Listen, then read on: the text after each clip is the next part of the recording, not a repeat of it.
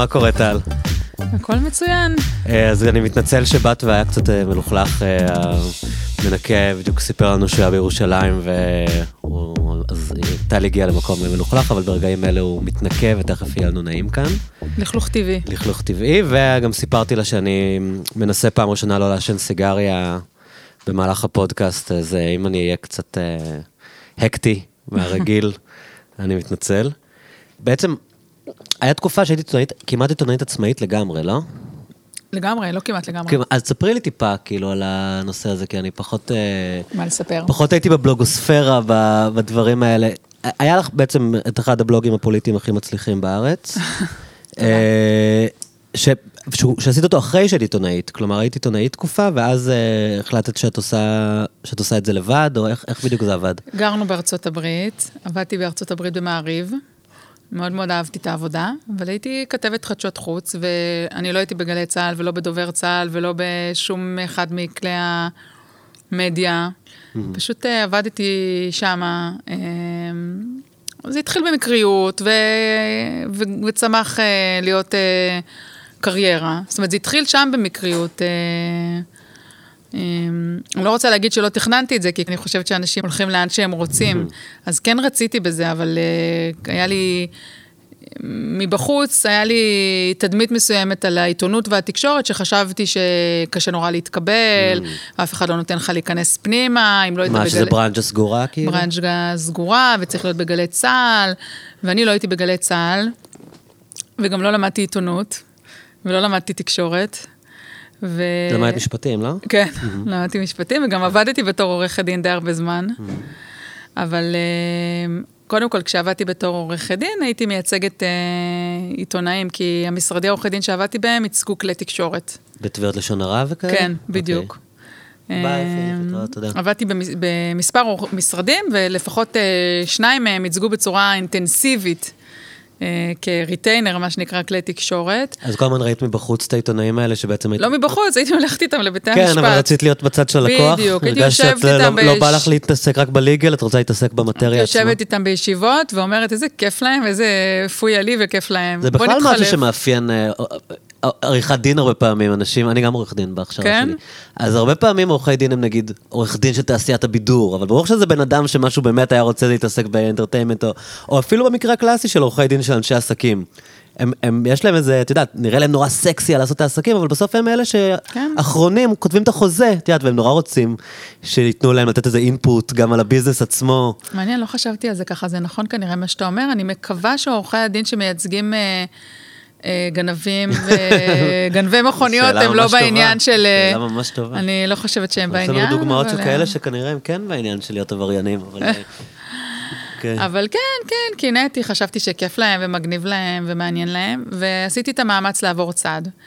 ואז המאמץ נשא פרי בארצות הברית כשגרנו שם, ו...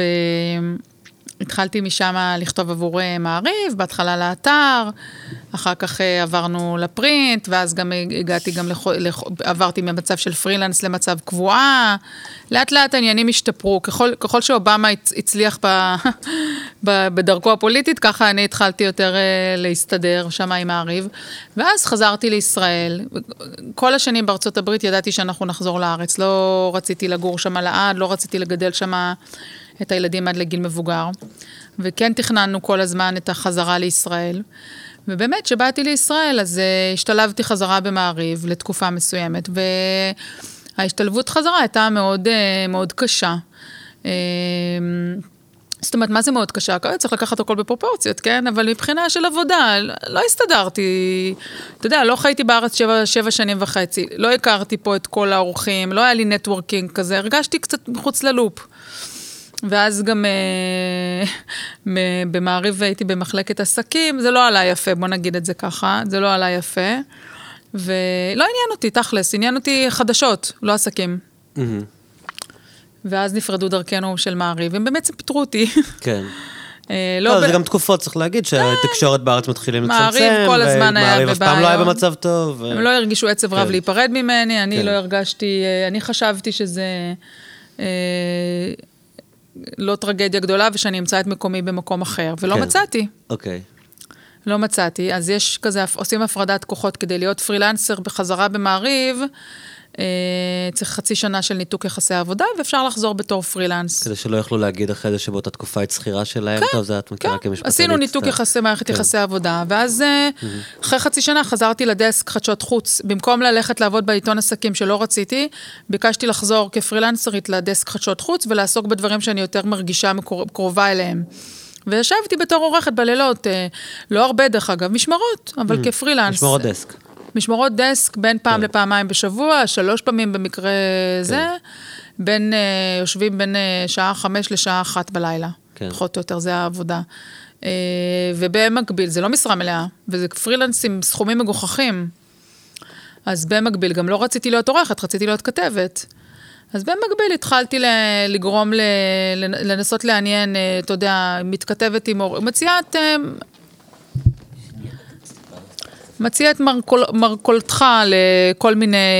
אחד הדברים הנחמדים למשל, שהתמודדה אז אה, קרלי פיורינה mm-hmm. על אה, משרת סנטורית. שהייתה מנכ"לית HP. בדיוק, ואז כן. היא, היא, היא רק פרשה מ-HP, הייתה סחורה ממש חמה. והיא רצתה להיות סנטורית מטעם מדינת קליפורניה, שאתה ואני יודעים שאין לה סיכוי, כן, כי אנחנו דיברנו קודם, כן. כן. ו... אבל ההתמודדות שלה מאוד סקרנה, ופה היא מאוד סקרנה הרבה אנשים. אז אני באתי לגלובס במקרה, ואמרתי להם, אה, מה דעתכם, אני אנסה להגיע אליה לראיין אותה. ו... ואתם תפרסמו את זה ותשלמו לי, הם לא, העורכת של ליידי גלובס, אמר לי, מה, את, את יכולה לראיין אותה? את יש לך איך להגיע אליה? דוגרי בינך לביני בשלב הזה לא היה לי איך להגיע אליה. אמרתי לה, כן, אני, כאילו, אם אני אגיע אליה, אני אסע, אם אני לא אגיע אליה, אני לא כן. אסע. אבל מה שאני רציתי זה שגלובזי ישתתפו איתי אה, בטיסה. בטיסה. כן. אה, ו... והתחלתי לחפור ולהתכתב וזה, ואופס, הגעתי אליה, והקטע המדהים היה שהכל קבעתי דרך עוזרים ודוברים. עכשיו, קבעתי איתם מקום, בזה, זה בעמק הסיליקון, שם יש את המלונות המפוארים האלו, שעושים שם כל מיני conference mm-hmm. כאלו, ב, לא זוכרת את השם של המקום, אה, קופרטינו, סן חוזה, בזה. כן. יש איזה מקום מאוד ספציפי שכולם... מאונטן ויו. מאונטן ויו, בול. מאונטן ויו. קבעתי איתה דרך עוזר או עוזרת במאונטן ויו ביום זה וזה, בשעה זאת וזאת, בלובי. Mm-hmm. ואני טסה מישראל, בטיסה שגלובס משלמים ככה אה, על הקשקש. כן. Uh, תתאר לעצמך מה היה עולה בגורלי אם הגברת הזאת לא הייתה מגיעה לראיון. וואי, וואי, וואי, וואי. היו מבקשים לך את הכסף חזרה. מה? היו מבקשים לך את הכסף חזרה. אותי.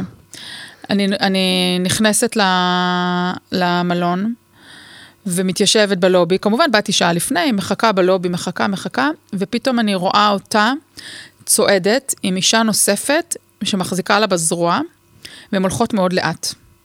וואי. הולכות, הולכות, הולכות, הולכות, הולכות, מגיעות, מגיעות אליי, מתיישבות ככה בספה כזאת, במעין כזה, כמו בלובי mm-hmm. של זה, ואני מציגה את עצמי וזה, והיא אומרת לי, אה, אני איטית וחלשה, כי לפני ארבעה ימים עברתי אה, ניתוח אה, סרטן שד. וואו. וזה הייתי... היה סוד, כאילו. נכון, זה, זה לא זה, זה פורסם במדיה? אה, לא, היא פרסמה את הדברים, אבל אה, כמובן שלא עשינו מזה big deal בכתבה. כן. אני כבר לא זוכרת, אם, אני חושבת שכתבתי על זה אולי או לא, אבל לא בצורה... אה, זה, אבל, אבל אתה יודע, אני מבחינתי, וואי, היא עמדה במילה שלה והיא באה לשבת כן. איתי לראיון, זאת אומרת, אתה מבין בדיעבד את החששות שלי, כמה הם היו ברור. כבדים, היא יכלה לא להגיע גם. כן. והיא ישבה והתראיינה, וגלובס אה, עשו מזה... שער. אה, שער וכפולה, ורעיון נורא ארוך וזה, וכמובן הייתי בעננים.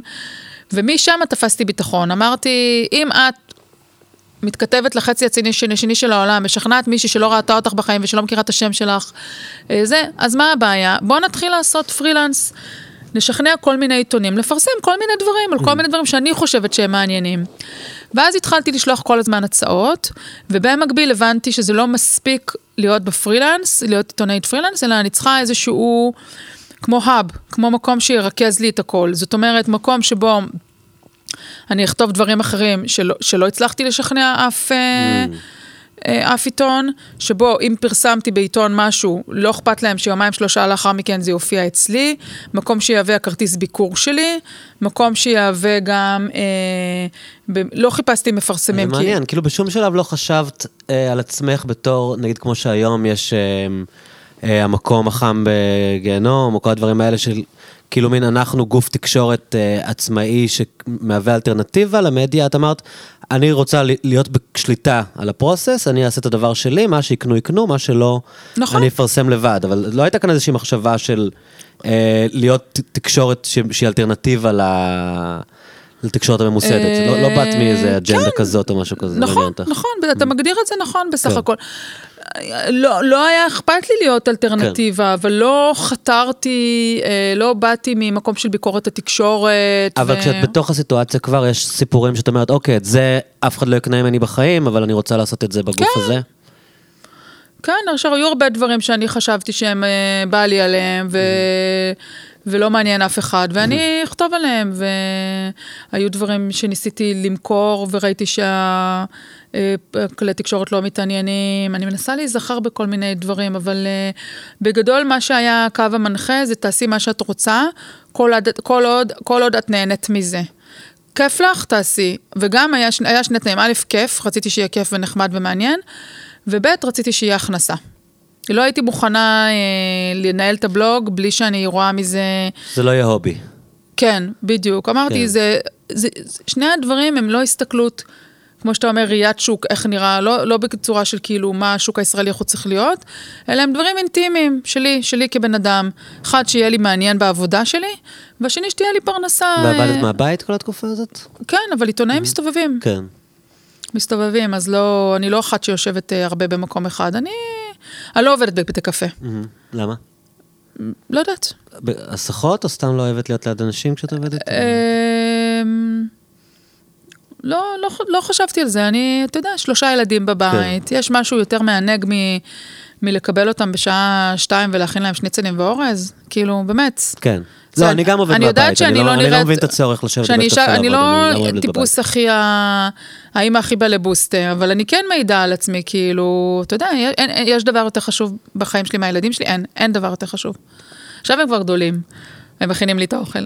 אבל uh, כאילו אמרתי לעצמי, זה ערך מוסף, למה לא? זאת אומרת, uh, אם אין, אם אין, תראה, אם היה לי מקום עבודה מסודר, הייתי הולכת uh, ונהנית לעבוד בו, אבל לא, לא היה. אז זורמים, החיים הם, מהרגע שהמציאו לנו את האינטרנט המדהים הזה, ואת הוורדפרס המדהים הזה, ואת האייפון המהמם הזה, אתה יודע, כאילו, למה, למה להגביל את עצמך? תעשה מה שאתה רוצה, אתה יכול לכתוב מברלין, אתה יכול לכתוב מנורבגיה, ואתה יכול לכתוב מאיואה, בדמוין. כן, באמת יותר ויותר אנשים היום בכלל, כאילו, יש אה, שאלה איך דפוסי העבודה ייראו, כאילו, בעתיד, מבחינת... אה, אני מדבר כאן לפעמים, נגיד, עם אנשים יותר צעירים, אה, מה שקוראים מילניאלס, ובאמת, כל, כל התפיסה שלהם על בכלל מה זה שוק העבודה, היא, היא מאוד שונה, כאילו, בכלל להיות מועסק בארגון.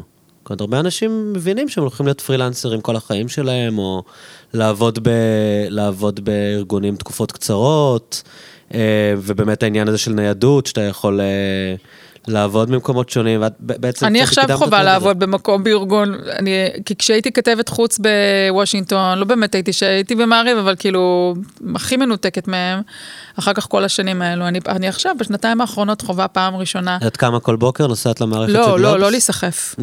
לא להגזים. אז איך זה עובד באמת? אני קמה כל בוקר. אוקיי, כן, תודה לאל, כן. לא תמיד, יכולה לקום כן. גם ב... לא בבוקר, אוקיי. אה, לא, אני קמה בבקרים. כשהייתי בבלוג, הייתי קמה לפעמים ב-11-12, איך שבא. עכשיו אני קמה יותר בבוקר, כי גם כי הגיל שלי קצת, קצת הזדקנתי, ויש לזה השפעה. וגם כי אני קמה בבוקר, כי גלובס סוגרים בשעה בין 2 ל-3, בעצם העניינים נסגרים mm. כבר. אז uh, צריך להיות ערני, בהחל מתשע כבר לפחות צריך להיות ערני. אבל בעברי הייתי אוהבת לישון עד מאוחר. ובעצם את כבר הפסקת להריץ את הבלוג, נכון? כן, אני חשבתי שאני אשמור אותו על אש קטנה, אבל מאוד קשה לי, אני מאוד עמוסה, ו... לא יודעת, אני... אני לא מהאנשים שמסתכלים אחורה, מה שהיה היה. אה, אחרי שהפסקתי לכתוב בו כל יום, נוצרו לי כל מיני כשלים טכניים שלא הצלחתי להתגבר עליהם. הוא באוויר לדעתי, אגב, הוא לא ירד. כן, הוא באוויר, בדקתי את זה לפני, אבל, אבל בכלל, כאילו, אבל אני, קצת... ממה שאני רואה אצלך זה שאת מאוד אה, אה, אוריינית דיגיטלית. כאילו, זאת אומרת, עם כל זה שאת... אה, לא, בעצם לא, לא, לא בניגוד, לא בניגוד לכלום. בהיותך מילניאל, תסביר לי מה הכוונה. אני, אני לא, אני, אני לא בדיוק מילניאל, אני גבולי. אני בן, אני בן יחסית אליי. כן. לא, אני מתכוון שעשית בלוג של הרבה עיתונאים, לדעתי, היו מתקשים בכלל להפעיל דבר כזה ולהגיע איתו להצ... אה. להצלחה שהגעת. ואת מאוד חזקה בטוויטר, ויש לך קבוצות וואטסאפ, אני יודע, ויש לך פודקאסט, ויש לכם, נגיד, גם בפודקאסט שאת עושה, אז יש קבוצת uh, פייסבוק של הפודקאסט. כן. כלומר, כל העולם הזה של האינטראקטיב, של הדיגיטליות, את, נראה שאת שוחה בו מאוד בטבעיות, כאילו, ו... אוקיי, ועושה את הדברים תודה. מוקדם, כאילו. לא, סתם, אין, אין לי איזה משהו להגיד על לא זה. לא נראה לי שזה חריג. נראה לי שכולם אה, היום בעידן הזה... אני לא בטוח. מבינים את הזירות. נראה לי שאת עושה את זה יותר טוב מאחרים. כן, תודה. לכולם יש... קבוצ, קבוצות וואטסאפ כאלה? ו... להרבה יש. כן? כן, יש טלגרם. לא, הקבוצות וואטסאפ היו מאוד מיוחדות, אני מסכימה, היה בהם משהו אה, ראשוני מבחינתי, זה היה בתקופה של הבלוג, ובעצם אה, גביתי שם דמי מנוי בשביל להיות חבר mm, בקבוצת הוואטסאפ. אה, זה התוכן פרימיום. כן. אז שמה, מה, פרסמת כאילו דברים קודם? מה? מה שקרה זה שהתחילה מערכת בחירות של 2015. כן. ואני נסעתי, אני לא אשכח את היום הזה, כיוון שמבחינתי הוא היה באמת יום חשוב. נסעתי לכנס בחירות של חד"ש. ב... לא בנצרת, אם אני לא טועה, בשפרעם. Uh, שמתי לעצמי מטרה בבלוג, לכסות את כל המפלגות, זה אומר לפחות לנסות להיות גם בכל, אפילו ש... בכנס אחד לפחות. מה? בכנס כן, אחד. כנס אחד של כל, אה, ללכת מקצה לקצה לכולם, כמה שאפשר. ונסעתי לחד"ש. אמ, ובדרך חזרה אה, התקשר אליי עודד קרמר, חברי הטוב, אה, איש מתוק ומקסים. ואמר לי בטלפון, אה, טל, למה את לא פותחת קבוצות וואטסאפ? אז אמרתי לו, מה פתאום, אני משוגעת, אני גם ככה... התחילו, אז היו כל מיני קבוצות וואטסאפ כאלו. אמרתי לו, השתגעת, יש לי את הפייסבוק ואת הטוויטר, ויש לי את הבלוג, ואני מתראיינת, ואני לא זה. אז הוא אמר, כן, אבל את, אה, צריכה, לא... אמרתי לו, אני לא יכולה עוד, עוד, עוד, אה, עוד פורום אחד אה, חינמי שבו אני מקשקשת עם כל העולם, אני לא אעמוד בזה. אז הוא אמר לי, מי דיבר על חינם? תקחי, תקחי כסף מאנשים. אמרתי לו, טוב, עודד, אתה כאילו השתגעת? אה, כאילו, מי, ישלם על כזה דבר? מה זה שטויות האלו?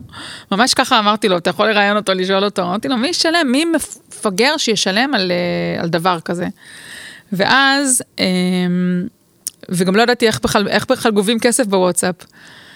ואז אה, הוא אמר לי, את טועה, יש מלא אנשים בטוויטר ובפייסבוק שאוהבים לדבר איתך, אני רואה מה הולך אצלך בתגובות בפייסבוק, אנשים אוהבים לשוחח איתך, את עונה לכולם, אז למה שבמקום שתעני להם בחוץ, תעני להם בפנים mm-hmm. בקבוצת וואטסאפ, ותפתחי, אה, וזה, מפה כבר אני לקח לי עוד איזה 24 שעות. אז מה, הוספת פיצ'ר באתר שאפשר להירשם עם הטלפון, לשלם כמה שקלים, ואז מוסיפה אותם לקבוצה? עמדתי את האוטו בצד, ו...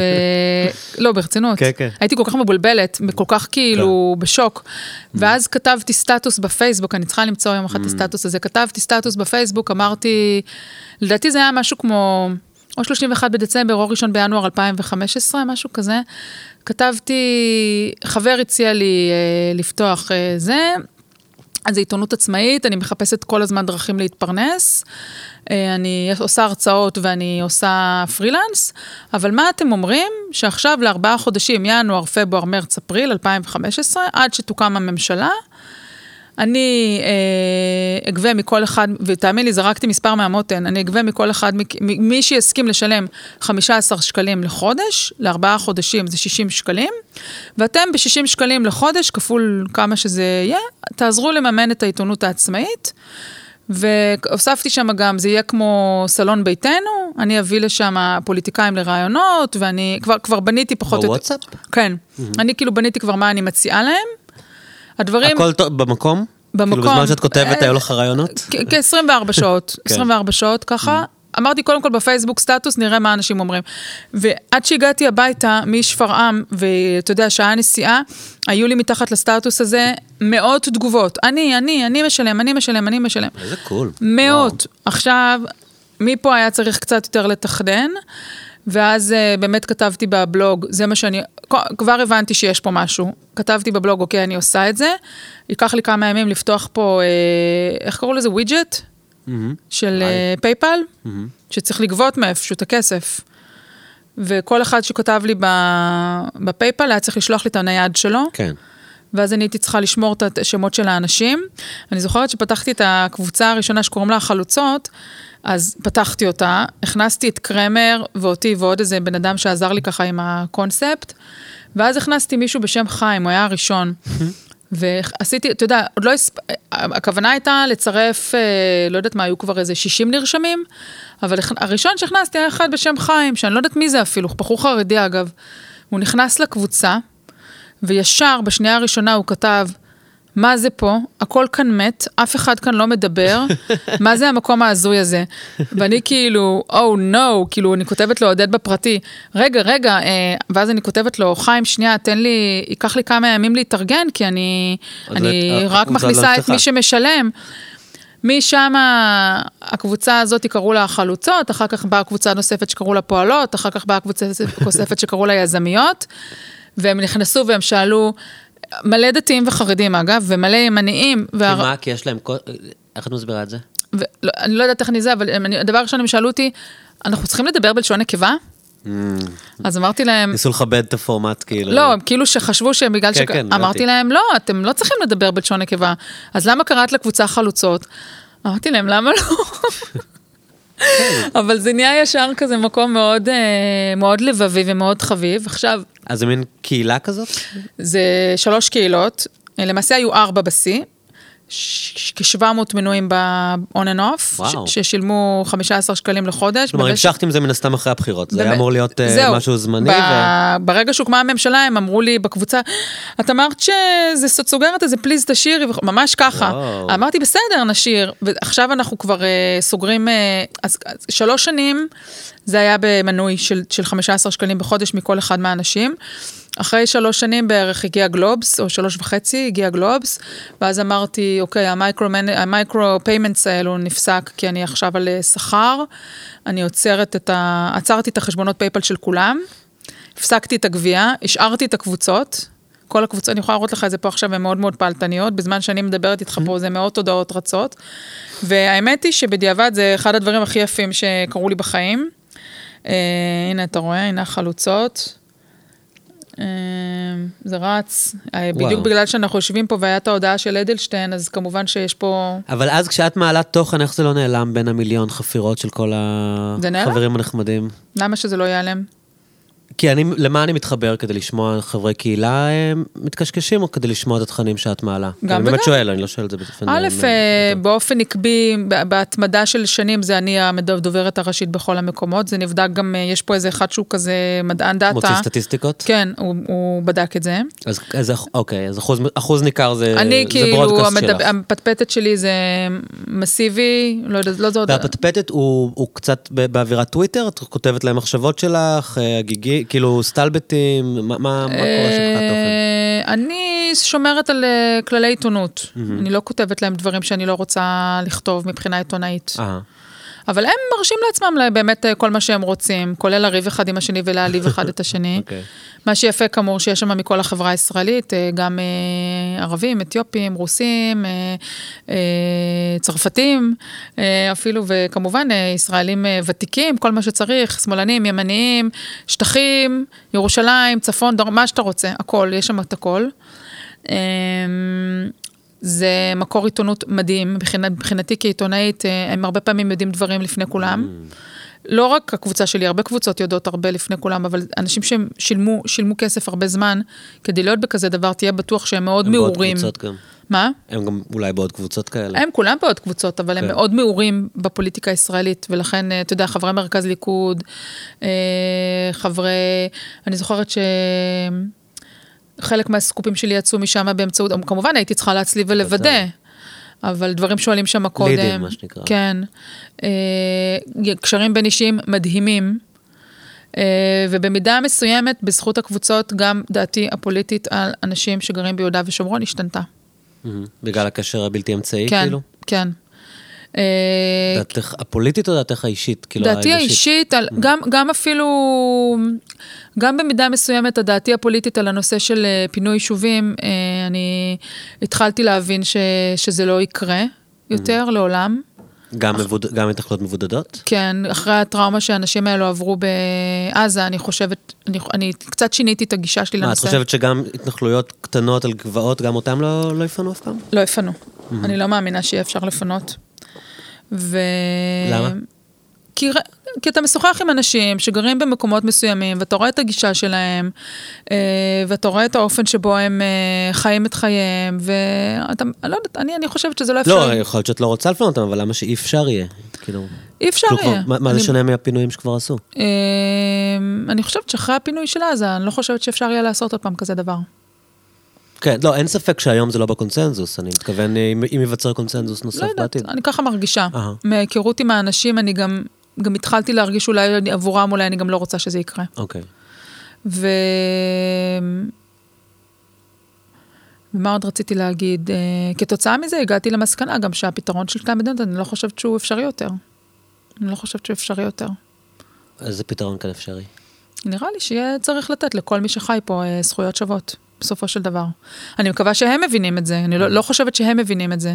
אני חושבת שאי אפשר יהיה לחיות אה, בשני קלאסים של אוכלוסיות, זה לא, לא יעבוד, כן. זה לא יחזיק אה, זמן. Mm. אני חושבת שבסופו של דבר, אם הם באמת ירצו אה, להמשיך לגור שמה, אה, לשם או פה, תקרא לזה כן. איך שאתה רוצה, אם ירצו להמשיך לגור ביישובים, בכל היישובים שלהם, יהיה צריך אה, לתת זכויות שוות לכל מי שגר במרחב הזה שבין הים לנהר. המשמעות של זה היא משמעות אה, בעי, בעייתית כן. מאוד עבור אה, מי שרוצה מדינה שהיא יהודית. נכון. אבל זה יהיה המחיר, הם יצטרכו, כולנו נצטרך לשלם אותו. לא יודעת, אני לא רואה... אני מסכים איתך שתצטרך להיות אחד מהם. כאילו, אני לא יודע איזה לא מהם זה יהיה, אבל אחד מהם יצטרך להיות. אני לא רואה דרך אחרת. אה, דרך אחרת, אם אין מדינה פלסטינית ואין את זה, אז זה באמת יהיה אפרטהייד. כל מי כאילו, שמדבר על להמשיך לגור כן. ביו"ש לעולמי עד, צריך... אה, צריך להבין שהמשמעות של זה היא בסופו של דבר... אה, מדינה דו-לאומית. אה, כן, מדינה שהיא שונה ממה שאנחנו כן. רואים היום. אין, אין, אין, אין לי דרך אחרת לחשוב על הדברים, זאת אומרת, לא יודעת. אני גם לא מתיימרת, זאת אומרת, אני לא... כן, אבל את אומרת משהו ב- ב- בלפגוש אנשים ובלהיפתח לפרספקטיבה שלהם, כאילו גרם לך לחשוב מחדש כן, על, ה- על הדברים. כן. ולהתאהב בחלק מהם, ממש, ממש. להכיר אנשים מדהימים, שהם היום בקבוצה מבחינתי, הם יקרים לי, ואני אני מדברת איתך על אנשים שהם בפערי גילאים ממני של 20 שנה, לפה לשם, מבוגרים או צעירים יותר, אה, לא רק מיו"ש, כמובן מכל המדינה. השאלה אם בשאלות כאלה הפרספקטיבה האישית היא... היא עוזרת להבין את התמונה יותר טוב, או שהיא פשוט גורמת לנו להיות יותר? Um, יכול להיות. כאילו... כן, בהחלט. אני לא מנהיגה, אני לא מתיימרת להכתיב לציבור הישראלי כן. מה לעשות, אני רק אומרת מה אני מרגישה. אני לא יודעת, אני לא, לא יודעת אם זה הפתרון הנכון למדינה, אבל... אה, תגידי, מה ההבדל בין הקבוצות? אז יש אמרת את החלוצות, יש את העובדות. אה, זה קצת השתנה לאורך השנים. בהתחלה החלוצות היה אמור להיות אה, מקום שבו אפשר לדבר על הכל בלי הגבלה, ואז מלא אנשים הפריע להם שיש רעש תמידי וביקשו לפתוח קבוצה שיש בה יותר שקט. אז פתחנו את הפועלות, ואז uh, הקבוצה השלישית היא קבוצת שקט, שבה אסור לאף אחד לדבר חוץ ממני. שהיא ברודקאסט שלך, כאילו. שהיא ברודקאסט, רק אני כן. מבלבלת את המוח שם, והם לא מדברים. בינתיים, עם הזמן, הפועלות uh, נהייתה uh, רותחת כזאתי. וכבר הם שכחו מזמן שהם אמורים להיות שם חצי בשקט מהזמן. כן, זה פשוט ו... לא, זה לא מתאים לפורמט. כל, כל קבוצת וואטסאפ שכל אחד ו... פותח אומר, זה יהיה רק ל... הפעם זה יהיה באמת רק לנושאים ענייניים, בהתחלה הקפדנו על זה, ומי שדיבר יותר כן. מדי, הייתי משלגרת אותו לחלוצות. Mm. אבל אז אה, התפתחה בפועלות תרבות שמאל מאוד חזקה, mm-hmm.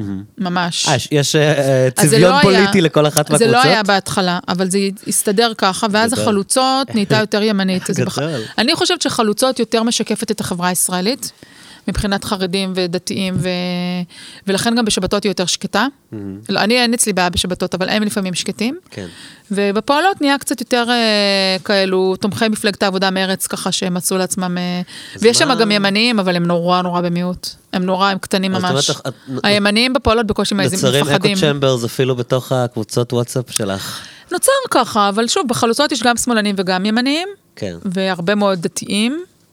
ובפועלות יותר אה, חילוניים ויותר שמאלניים, אבל תשמע, החלוקה הזאת היא גם מאוד פלואידית, הם עוברים ממקום למקום, ואני מעבירה אותם לפעמים, ו... שאלה אם אין... באים מה... אנשים חדשים שאני לא יודעת מה הדעות שלהם בכלל. יש משהו ב... כל הזמן באים חדשים.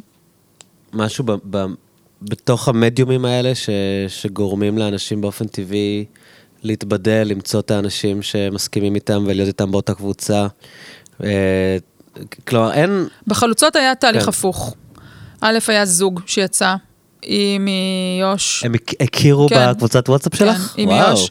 היא מתומכי ליכוד, היא גרה ביו"ש, הוא היה כן. uh, באזור המרכז תומך מרץ, כן. הם יצאו לשנה כמעט. Mm-hmm. Uh, זה כבר עבר זמן, מאז אני חושבת שכבר שניהם התחתנו עם בני זוג אחר, אבל uh, uh, נוצר, הקשר נוצר מה... זה. Uh, אני, יודע, אני יודעת בוודאות שנוצרו חברויות מדהימות. גם כן חוצות מגזרים.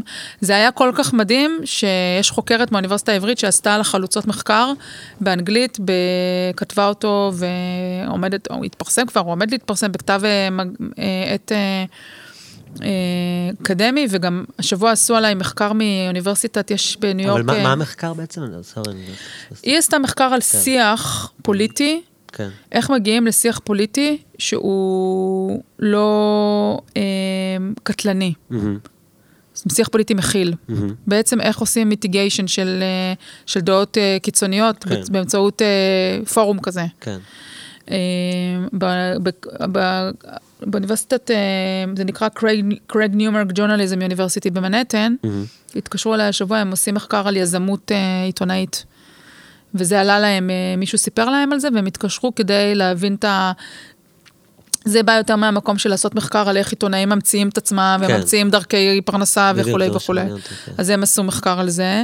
נכתב עוד מחקר אחד, שאני לא בטוחה אם הוא כבר התפרסם או לא, אה, גם של נטע אה, וילנצ'יק על communication.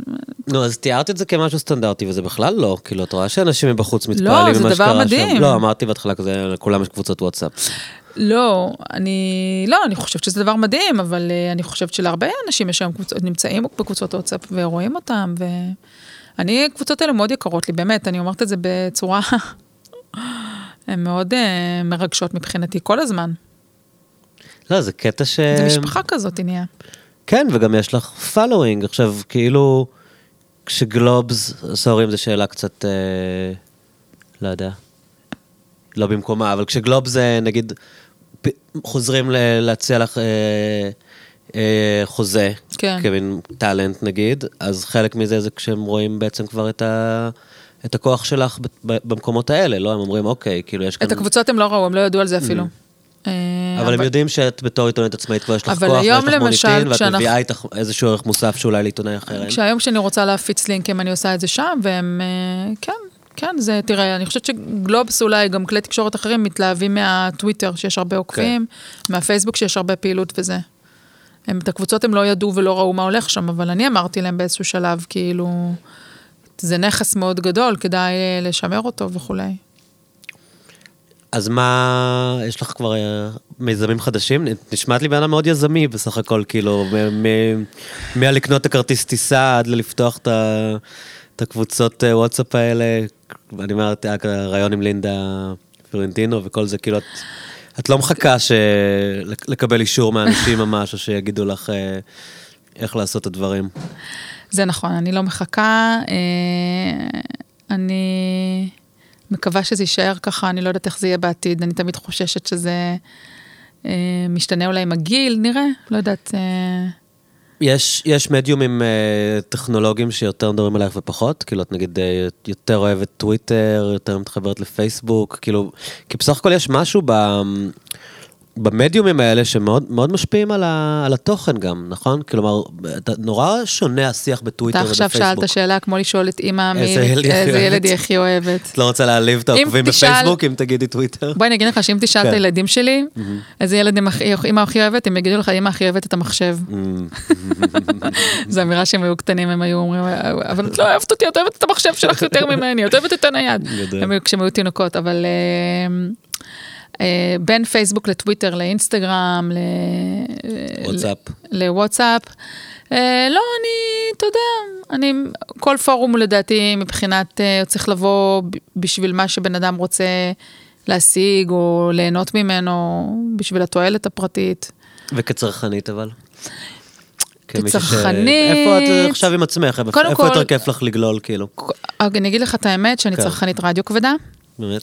מגיל, מגיל נעורים, מגיל uh, תיכון ממש. אבל את ממש מקשיבה לרדיו בארץ, מעבירה תחנות, או שאת באינטרנט יושבת ומקשיבה לרדיו מכל העולם? Uh, לא, בארץ, mm. רדיו בעברית. אני מתקשה להתרכז בלי רדיו ברקע. אני לא יכולתי ללמוד אף פעם, לא לבגרויות ולא לאוניברסיטה. זה מוזר, וואו, מה? אני, מישהו מדבר לידי, אני לא מצליח להתרכז בכלל. לא יכולתי ללמוד, uh, לעשות את הבחינות uh, לשכה, או את הבחינות... אה, בתואר בלי רדיו אה, פועל כל הזמן, כל הזמן, כל הזמן, כל הזמן. זאת הנוכחות של אנשים מדברים ברקע? כן. מעניין.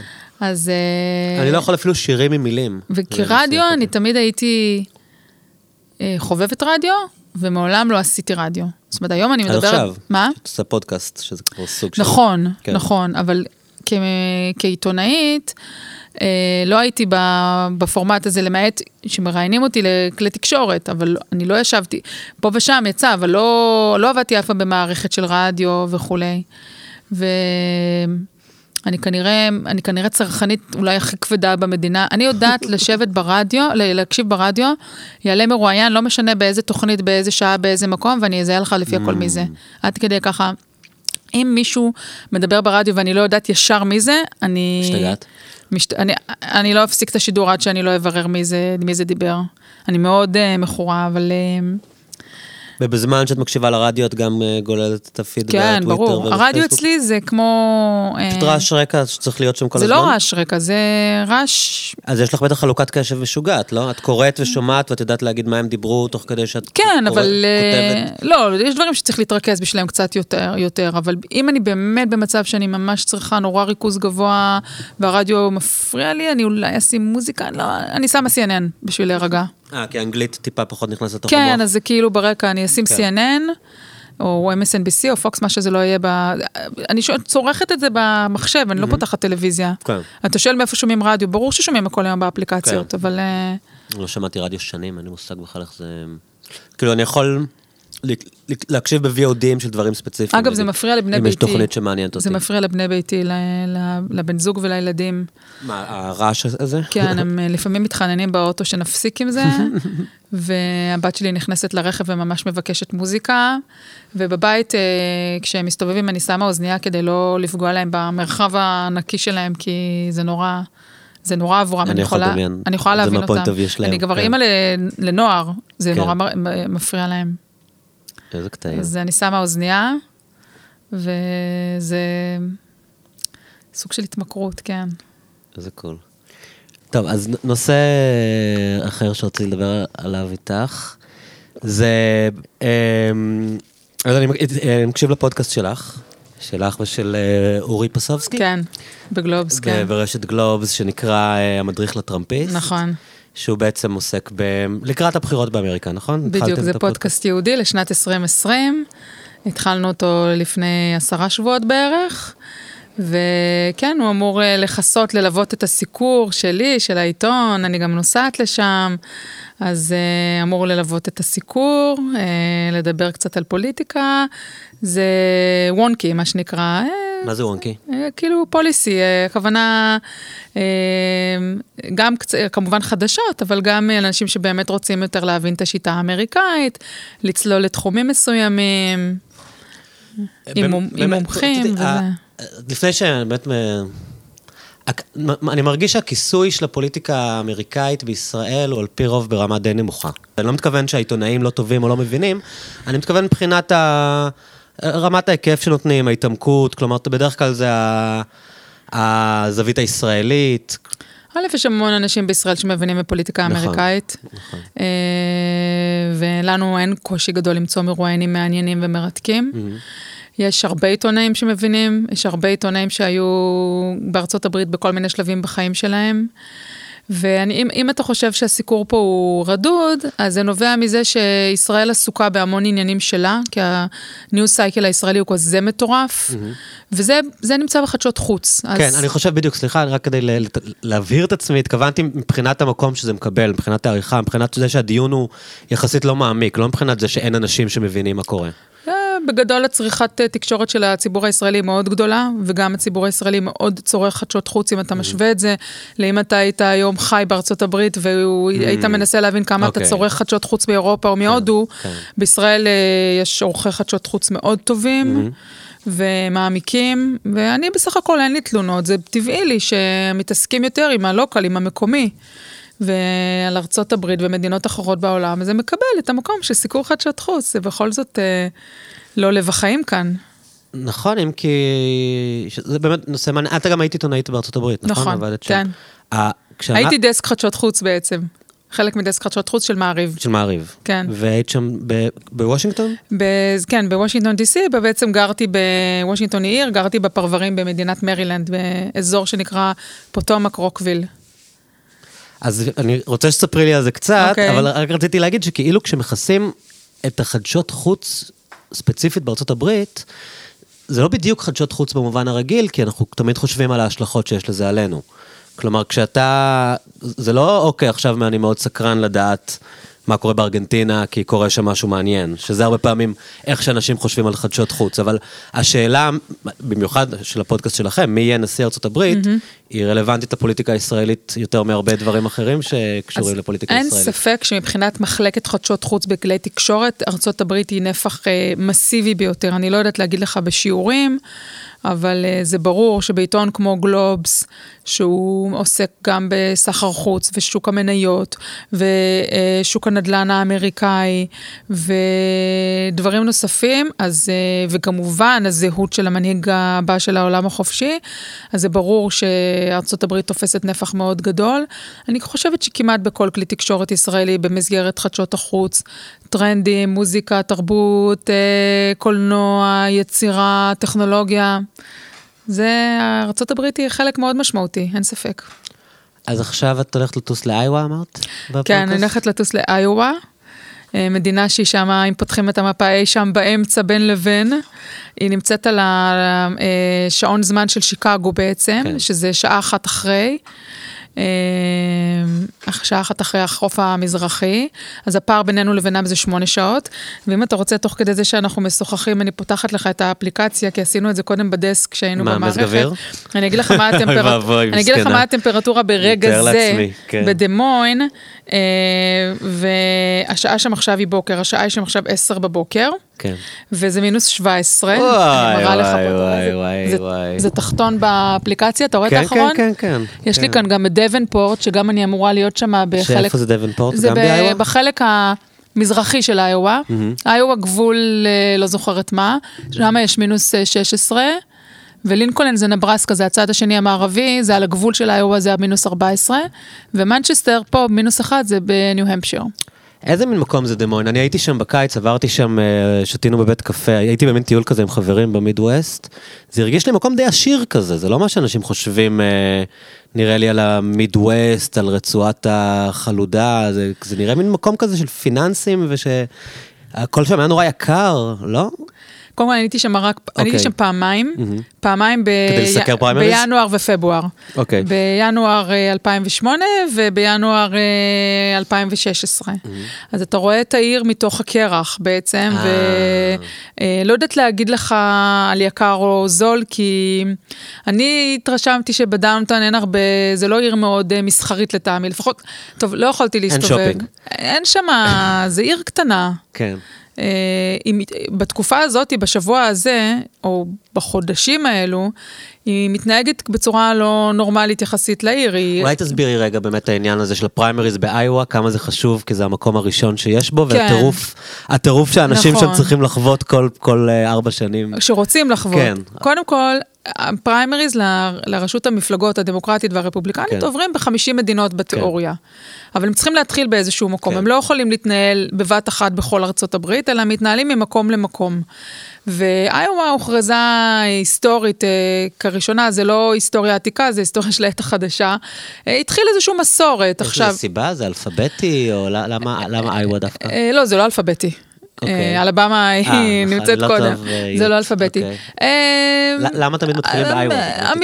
אני אגיד לך, כי עקרון הפריימריז הראשונים הם בניו-המפשיר. באיואה זה לא פריימריז, זה מה שנקרא caucuses, זה המילה של זה בעברית זה היוועדות. Mm-hmm. היוועדות מלשון התכנסות. זה בעצם כמו שייכנסו פה ביחד לבר הזה שאנחנו נמצאים בו עכשיו, כל תושבי השכונה, וכל, אתה יודע, כל האנשים שאתה פוגש אותם במכולת וכולי, ירדו פה למטה ביחד לבר, ואז אה, אה, המארגן של, ה, של ההיוועדות יגיד, מי תומך בברני, שילך לפינה איפה שהכיסאות פה הפוכים על הבר, יעמוד שם. מי שתומך באליזבת וורן, שילך כאן לעמדה של הדי-ג'יי, ומי שתומך בביידן, שיבוא לשבת איתנו פה על הספסל, ויש עוד כמה מועמדים, מנהלים את העסק, אנשים זזים בתוך המרחב הזה, שהוא הרבה פעמים בכזה גודל, לא מדובר דווקא באולמות. זה נראה כמו איזה טקס מהמאה ה-17 כן, של אנשים עם פאות כזה. אם אה, אף אחד, אה, אם אה, אנשים שלא עברו את ה-15, אני לא זוכרת את כל הכללים, אנשים שלא עברו את ה-15 אחוז נופלים, ואלה שעברו את ה-15 אחוז בעצם מחלקים את, ה, את, ה, את, ה, את, ה, את ההסכמות מחדש.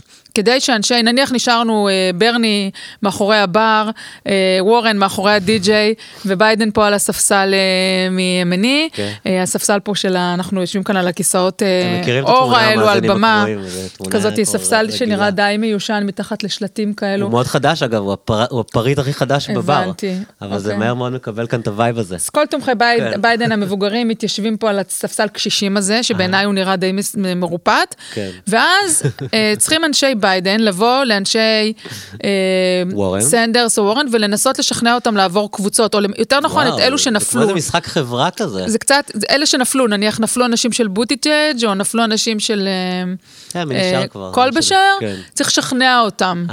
ולכל אחד, זה נורא מצחיק, זה באמת, אה, אני... אבל זה, זה, זה, זה טקסי, אף אחד לא באמת משכנע או משתכנע במשחק לא, הזה. לא, למה? זה בחירות, ובעצם... לא, אבל באמת צריך... בריל טיים, באמת כן, מישהו כן. משתכנע? כן, כי מתחיל משא ומתן קואליציוני לצורך העניין. נניח החבר'ה של בוטיג'אג' יבואו יגידו, תשנו, ב, תתח... אנחנו עוברים אליכם, אך ורק אם בפלטפורמה הסופית של המפלגה הדמוקרטית אתם תמחקו את הסעיף שככה, מתחילים ויכוחים. וואו. משא ומתן. כן. ואז, אה, תראה, ובסופו של דבר זו מדינה לא גדולה, אבל אוספים את כל המספרים מכל המקומות. אה, ובסוף הערב... אז ב... יש הרבה קקסים כאלה מפוזרים באיווה? כן, מלא. ואז בסוף... בכל ה... עיר וכפר. ואז כל מחוז כזה מודיע במי הוא בחר, ו... רק בשביל הצבע, אני אגיד לך כן. שבפעמיים שהלכתי, הייתי במוזיאון ההיסטורי של דה מוין, mm-hmm. שנמצא למרגלות... אה, מיני, מיני גבעת הקפיטול של מדינת mm-hmm. איובה, זה נמצא ליד, בסמוך לה, יש בניין כזה מאוד יפה של הפרלמנט, mm-hmm. לידו מעבר לפינה, אתה יודע, midtown, small town America, כן, כן. יש מוזיאון שהוא המוזיאון ההיסטורי של דה מוין, ומה יש במוזיאון ההיסטורי הזה? יש בו אולם מאוד גדול, שיש בצד אחד שלו... אה, תבליט של העיר, בצד השני שלו רכבת אה, ששימרו אותה, בצד השלישי שלו אה, אספו כמה מאובנים, ובצד הרביעי שלו זה היכל גדול כזה, כן, שבכל פינה מוקדשת לאייטם אחר מההיסטוריה המקומית, אולי אנרגיית התירס, אנרגיית האנרגיה החלופית, כן. ואז כשהכרוז הזה עומד במפלגה הדמוקרטית ואומר, הבה נתפצל, אז הוא אומר, כל מי, אני הייתי במקרה בהילרי קלינטון וברק אובמה. ואחר כך הייתי בהילרי קלינטון וברני סנדרס. כל מי שתומך בהילרי קלינטון, נא לעמוד מתחת למטוס. גדל. כל מי שתומך בברני סנדרס, נא לכו תעמדו ליד המיצג של התירס. וכך, ואין קשר בין המיצגים. Okay. כן. עכשיו, הפעם אני לא הולכת למוזיאון הזה, שהייתי בו פעמיים. אני אהיה פעם בעיר אחרת שקוראים לה איואה סיטי. Mm-hmm. זה העיר האוניברסיטאית, זה כמו כן, קולג'... כן, צ'יקי למד שם בדיוק באיזה תוכנית, הוא סיפר על זה בפודקאסט, אה, כן, יש שם תוכניות אה, כתיבה. מאוד מפורסמות. דרך אגב, כן. איואה היא אחת המדינות עם אה, שיעור האקדמיה הכי גדול בארצות הברית. זה מה שאני אומר, הרגשה שם, אני הגעתי לשם אחרי שהייתי בכל מיני מקומות יחסית מדכאים, כמו מישיגן mm. וויסקונסין, ואיואה הרגיש אחרת כזה, זה לא- הרגיש פחות... הייתי אומרת שהיא מחולקת לאקדמיה ולחקלאות. Mm. הרבה מאוד אנשים מגדלים שם תירס, הם מפורסמים בנושא התירס, ויש שם גידולי בקר וכנסיות, ורוב המדינה היא לא דה מוין, שהיא עיר קטנה יחסית, אלא כן. היא מעין כפרים כאלו של 2,000 איש, 3,000 איש. עם ספריות ציבוריות קטנות כן. כאלו. אבל וחמ... היא פחות תעשייתית, אני חושב, נכון? היא פחות תעשייתית. אז באמת הטירוף הזה של הפריימריז, צריך להגיד, אובמה ניצח שם בעצם, אה, נכון, ב-2008. שמונה. טראמפ הפסיד ב-2016. ועל אף שהוא הפסיד, הוא המשיך משם לנצח, אבל בגלל כן. השיטה כן. הזאת שהיא כזאת מצחיקה, אז זה לא הפריימריז הראשונים. הפריימריז הראשונים הם בעצם בניו המפשיר, ואיואה, אה, גם, אה, כמו שאתה אומר, אה, מי שמנ... לאו דווקא מי שמנצח שם או מפסיד שם, זה אומר משהו על ההמשך, כי זה באמת שיטת בחירה. אבל זה כן נתפס כאיזשהו יתרון אסטרטגי ליצור מומנטום, כמו שקרה לאובמה ב-2008, שעד איווה בעצם היה נראה שהילרי תיקח אותו בהליכה, והוא צבר איזשהו מומנטום מתחילת הפריימריז שהוא רץ עליו עד הסוף. נכון, ו... זה נותן. והתוצאה של זה, אני, אני חושב, את יודעת טוב ממני, זה שבעצם... שמים הרבה דגש על איווה. והאנשים נכון. הפשוטים, נגיד בדמוין, הם, הם חיים בתוך הקמפיין הזה בצורה כאילו שלפעמים קצת נכון. סוריאליסטית, תקופה מאוד ארוכה. ארוכה, חצי. כן. האמת, רוב, בין, גם במהלך ארבע שנים הפוליטיקאים מגיעים לשם. אגב, גם עכשיו, כשטראמפ אין לו פריימריז, הוא גם מגיע לשם, כי זו מדינה שהיא swing state, זאת אומרת, היא יכולה mm-hmm. להיות פעם ככה, פעם ככה, ואפילו שזה רק שלושה delegates, עדיין למפלגה, לשתי המפלגות, משקיעות שם מאמץ בגלל התשומת לב התקשורתית שיש למקום הזה. והציבור, מי שרוצה, בא ומשתתף בתהליך הזה, אה, או שאתה דמוקרטי או שאתה רפובליקני. הקאוקסס הרפובליקניים, ההיוועדות הרפובליקנית טיפה שונה. היא פחות בחלוקה הזאת, זה גם הלכתי בפעם הקודמת באותו מוזיאון, אבל בקומה 2. הם עושים את זה קצת אחרת, אה, פחות אה, מוזר, אבל גם זה סוג של מפגש עירוני, מפגש שכונתי. כן. כל הקלפי שלך... town hall, מה שהם קוראים באנגלית. נכון, קוראים לזה town hall. כן. כשלכל מועמד רפובליקני יש את הזכות לעמוד על מעין דרגש עץ קטן כזה שהם מביאים איתם, והוא אומר, אני חושב שאתם צריכים לבוא איתנו. במפלגה הרפובליקנית, אם אתה זוכר, ב-2016 היו 17 מועמדים, והדמוקרטים היה להם פחות. אז הבלגן והכאוס היה בצד הרפובליקני, כי כשהלכתי אז לקאוקסס במוזיאון הזה בקומה 2, הם לא מתחלקים לחלקים של החדר, אבל כן עומד נציג מהמפלגה ומנסה לשכנע את האנשים, ואז כל אחד אה, בתוך החדר אה, נרשם בעצם בצד שהוא רוצה להירשם. מה, מה דעתך כאילו על, ה, על, על העניין הזה של הטקסיות וה, והמסורת? כמה הוא חשוב? כאילו, אנחנו שומעים כאן איזושהי שיטה שפותחה כנראה בתקופה שהיא הייתה הגיונית. כלומר, שלא יודע, במאה ה-19, במאה ה-18, אה, אנחנו חיים בעולם שיש בו כאלה אמצעים טכנולוגיים, כאלה אפשרויות כאילו מתקדמות לאיך אנשים יכולים להחליף ביניהם מסרים ואיך הם יכולים לתקשר ביניהם. הם בטח לא צריכים להגיע לאיזה טאון הול, והם בטח לא צריכים uh, לעבור מקום בחדר כדי לסדר אחד את השני. ו- ועדיין יש בארצות הברית, מי, מי השאלות הכי גדולות, כמו עצם, עצם שיטת האלקטורים, שנבעה גם מכל מיני שאלות שהרבה אנשים טוענים, כבר לא רלוונטיות היום. למי אכפת כאילו בכלל מהשיקולים שבכלל אומרים, הרבה מה... מה הפוליטית של ארה"ב, הצורה שבנו את השיטה, הייתה נכונה לתקופה שאנשים שלחו מכתבים, לתקופה שלא היו מטוסים, לתקופה שבן אדם אה, היה עולה על אה, כרכרה, נוסע עכשיו לוושינגטון להיות אה, קונגרסמן, אה, לייצג את הקהילה שלו, וחוזר אחרי שנתיים, מספר להם מה, מה היה. וכאילו, הרבה מה, מהדברים שהם פרוצדורליים, שהם לא מהותיים, אה, השתרשו ובלתי ניתנים לשינוי היום. כלומר, הרבה אנשים אה, מבקרים את, ה, את הדברים האלה שכאילו קצת, אה, בוא נגיד אם היום היינו כותבים חוקה חדשה, או האמריקאים היו כותבים חוקה חדשה, הרבה מהדברים האלה כנראה היו נכתבים אחרת. א', למסורת יש, מס, יש מקום מאוד רציני בפוליטיקה. Mm-hmm. קצת כמו קמעות של הספורט, נכון? Mm-hmm. יש דברים שאתה עושה טקסיים. כן. אה, אני חושבת שלמסורת ולעיגון של נוהגים יש מקום. אה, אתה, אני מסכימה איתך שלא צריך את הכל אה, לדבוק כמו שזה היה פעם, זה באמת דבילי במידה מסוימת. אבל uh, במקרה של, ה, של איואה, אז יש לזה חן מסוים. Mm-hmm. Uh, מה שזה מאפשר, בגלל הצורך uh, של האנשים לשכנע אחד את השני, כמו שאתה אומר, ולדבר זה עם זה, זה מחייב גם את הפוליטיקאים לבוא פיזית לאיווה ולקיים את אותם מפגשים מאוד קטנים, שבו הם, אני אתן לך דוגמה, אני נסעתי ב-16 אה, למפגש עם... אה, הלכתי ל... כאמור, כאמור, הרפובליקנים היו אז יותר מעניינים לצורך העניין, כי שם היה יותר בלאגן. כן, אה, לעומת אה, הדמוקרטים שהיה ברור שהילרי תנצח, כאילו. שכן, שהיו כן. רק שני מועמדים אה, כן. מעניינים, ו... והיא מאוד מוכרת. היא גם עשתה את זה כבר בארבע שנים קודם, כן, סליחה, ב-2008. אבל אני זוכרת שהלכתי למפגש של טד קרוז, mm-hmm. ביום ראשון, אחרי שהאנשים מסיימים את הכנסייה. הוא הזמין את האנשים למעין כזה הנגר, הנגר מאוד גדול, שמשמש בקיץ לבקר, mm-hmm. ובחורף עומד ריק, כי מפנים את החיות, כי כמו שקראנו קודם באפליקציה, הן לא יכולות לעמוד כן. בה. אז uh, אחד המבנים של ההנגר, אני חושבת שהוא ספציפית לא היה עם ריח או משהו כזה, אבל הוא כן היה כמו, ממש חווה בתוך חווה, והם כולם הגיעו לשם אחרי הכנסייה.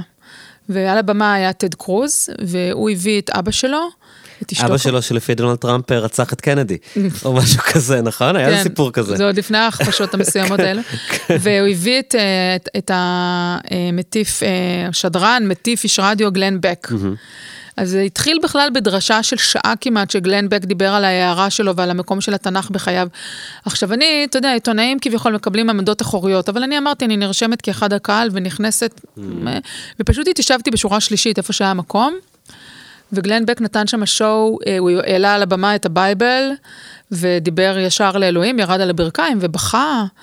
והלהיב שם את האנשים בטירוף. למי שלא מכיר, גלן זה... בק הוא באמריקה, הוא אחד מהאנשים הכי משפיעים שקיימים בכלל אה, במשך שנים, רדיו. שדרן הרדיו הכי מואזן באמריקה. אחד מהמואזנים. אחד מהמואזנים ביותר באמריקה. וגם יצא נגד טראמפ חזק. כן. אה, ימני, שמרני, דתי. אבנג'ליסט.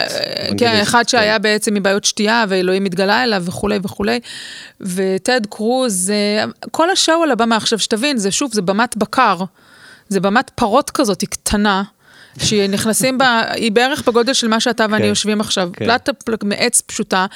בהאנגר שהוא כולו מתקן פרות כזה, אה, כשבחוץ מינוס 16, אה, מינוס 17 מעלות, ואנשים מגיעים עם כל הציוד שלהם, ובפנים הם הביאו חימום. הכל באווירה מאוד, אה, ואתה רואה את המועמד ככה, אני רואה אותו mm-hmm. כמו שאני רואה אותך, אני מצלמת אותו כמו שאני מצלמת אותך, וכשהוא יורד לקהל אחר כך אני יכולה לצלם אותו. ואותו דבר הלכתי ל... אוי, ברח לי לרגע שמו, היה טד קרוז והיה את uh, רוביו. Mm-hmm.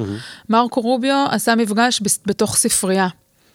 ספרייה אוניברסיטאית כלשהי, חניתי בחוץ, באתי, אה, אני חושבת משהו כמו 30 או 40 אנשים, לא יותר.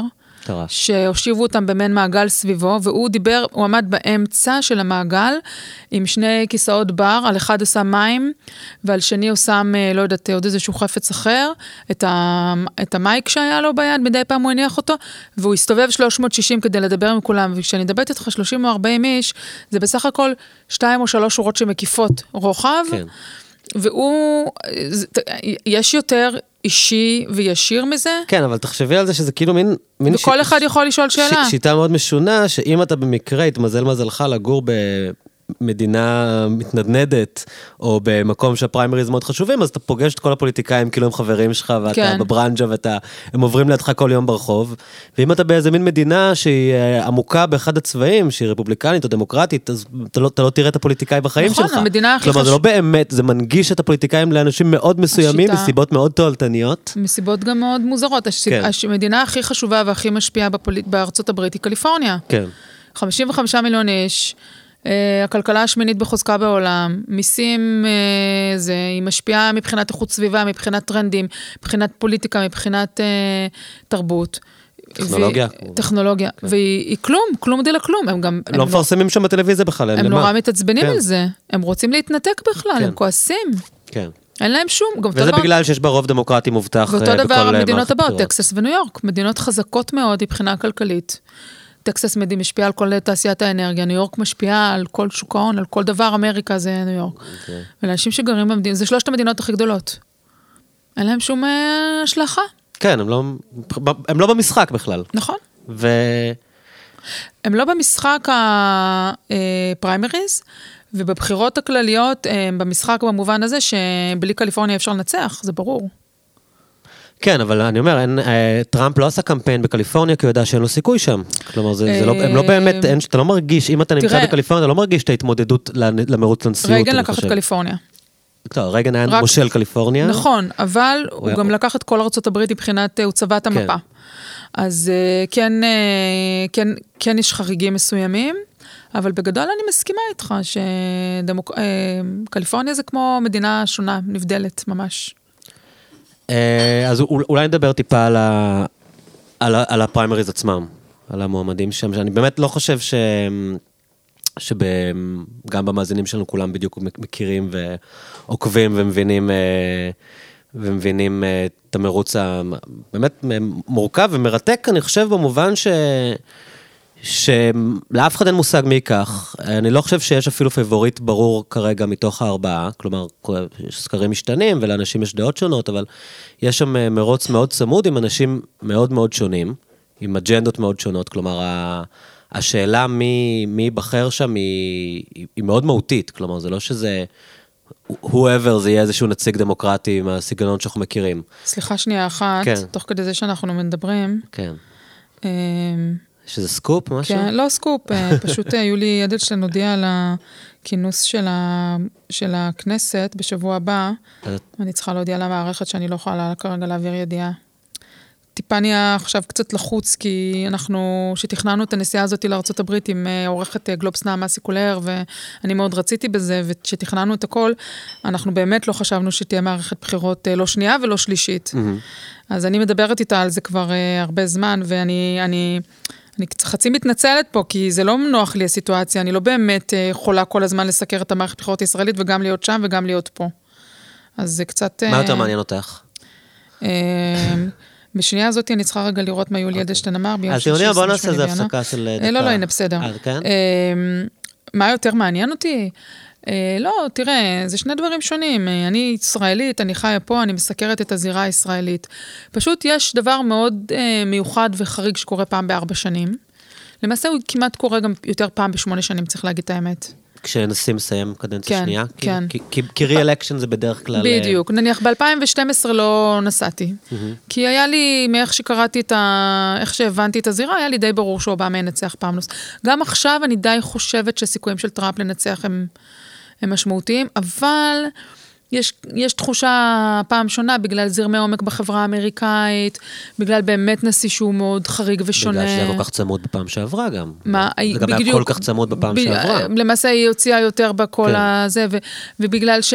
שבג, אני חושבת שהנשיאות של טראמפ היא ממש אה, חריגה. אה, ברמה היסטורית, ולכן, לכן היה חשוב לי כן... אה, כן כלומר, אפילו אם, הוא, אפילו אם יש re-election, זה עדיין moment, כלומר יש לזה חשיבות מאוד גדולה לזה שהאמריקאים בחרו לכהונה שנייה את אה, טראמפ, זה שונה מלבחור לכהונה שנייה כן, את קלינטון. כן, כלומר, זה, זה ממש שהוא... לא מובן מאליו יהיה. כן. הוא עשוי לנצח בהחלט, אבל זה יהיה, עוד פעם זה יהיה לא מובן מאליו, וגם יכולות להיות לזה השלכות, אני חושבת, הרבה מהאמריקאים שמדברים איתם אומרים, אם הוא ייבחר פעם שנייה, הוא יעשה מה שהוא רוצה. כן. אחרי שראינו את uh, סיפורי אה, זלנסקי, אוקראינה... אבל מה הוא לא עושה היום? הוא יעשה כמו שהוא עשה נניח באוקראינה, פשוט יעשה את זה בכל העולם. אבל את אוקראינה הוא לכאורה עשה כדי לשפר את הסיכויים שלו להיבחר מחדש. כלומר, זה בעצם היה חלק מהמשחק שלו לדפוק את ביידן. נכון. של למה הוא יצטרך לעשות הוא, דברים כאלה אם הוא גם ככה מסיים קדנציה שנייה. כי הוא משתמש ב, בכוח שלו, בסמכויות שלו כנשיא, אה, בצווים שהוא יכול להוציא, למען פוליטיקה אה, פרטית. הש... השאלה היא כזאת, שאני שואל אותך. אם הוא יחשוב שזה מועיל לו להגיד ככה וככה למדינה מסוימת, אז הוא יעשה את זה, אז פעם אחת זה בחירות, יש מיטרמס, תמיד יש משהו. כן, אבל עד היום כל הדברים שהוא כאילו עשה, שנגיד בחלקם הוא אשם ולא נמצא כלום, בחלקם אה, זה נשאר פתוח. הם בעצם עשו כדי להבטיח את הבחירה שלו, או להבטיח את ה re-election שלו. אם אנחנו מדברים על כל ה... אה, הטענות על ה collusion כן. עם רוסיה... כן, הטענה היא בעצם שביידן יהיה, להוריד את, את המועמדות של ביידן. כן, אוקיי, אז למי שלא מכיר, אולי זו באמת הזדמנות, נגיד זה בתמצות ואחרי זה אולי נדבר על זה. כל הדיון של ה impeachment עכשיו היה איזושהי טענה, טענה, יש ראיות חזקות, צריך לומר, שהוא התנה, הוא התנה אה, סיוע לאוקראינה, פגישה עם נשיא אוקראינה, נשיא או ראש ממשלה, מהו זלנסקי? אה, זלנסקי הוא president, אני כן, חושבת. הוא התנה, הוא התנה סיוע מדיני לאוקראינה באיזושהי חקירה שהוא ביקש שיפתחו נגד הבן של ג'ו ביידן. כן, נגד חברה ש... הנטר ביידן היה מחובר אליה אז. וכשהטענה היא שזה בעצם כדי לעזור לעצמו בהתמודדות מול ג'ו ביידן, שהיה אז ועדיין במובן מסוים הפייבוריט כן. במרוץ הדמוקרטי. עכשיו, מה שאני אומר זה שה... כל הפעולות המפוקפקות האלה שלו, הן מאוד היו קשורות לעצם המשחק הפוליטי. כן. אולי דווקא כשהוא לא יצטרך להיבחר שוב, אז איזה אג'נדה בעצם יש לו? מה באמת מעניין אותו חוץ מלהיבחר וחוץ מלהישאר? אני חושבת שמעניין אותו המשך המותג אה, אה, טראמפ. אה, ליום שאחרי, איך הוא ממשיך... כן, אה... לילדים, אני חושבת שמעניין אותו mm-hmm. לעשות הרבה כסף. Mm-hmm. מעניין אותו מגרש הגולף שלו. כן. אה, מעניין אותו ביזנס אה, של המלונות בכל מקום בעולם. ולהגיד לך את האמת, בינך לביני, כן. מכיוון שהוא איש באמת אינדיבידואל ובלתי צפוי, ואני לא יכולה לדעת היום מה מעניין אותו ומה הסיבות שהוא עושה דברים. הוא עושה דברים בדרכו המאוד אה, משוגעת, אה, חריגה. הוא יכול להמשיך, זה, זה הטענה גם שלהם בעצם, הם אומרים, לך תדע מה הוא יעשה, לך תדע. כן, אני פשוט לא, את יודעת, מסתכלות עליו, אני לא רואה מה, מה מעניין אותו. כאילו, את, את, את הקיצוץ הרציני במיסים הוא כבר עשה. הוא צריך לקוות שלא יהפכו את זה, כי זה היה שווה לו מיליארדים אישית. אם הוא, אם הוא ייבחר, אז אני לא יודע מה... תראה, אתה שואל שאלה יותר כן. גדולה, מה מניע מנהיג באופן לא, עקרוני? לא, ויש מנהיג, מנהיגים שאתה מאמין להם שיש להם אג'נדה מסוימת. אצלו אתה... אתה שואל מה מניע כן. מנהיג, האם יש לו כן. אידיאולוגיה, לדוגמה, תחום של ההגירה, כן. האם הוא באמת רוצה נורא נורא לשמור על ארה"ב ועל הגבולות שלה, או שהוא חשב... עלה על משהו. מה? עלה על משהו. לא, שהוא חשב שזה הדרך, כן, שזה הדרך אה, ל...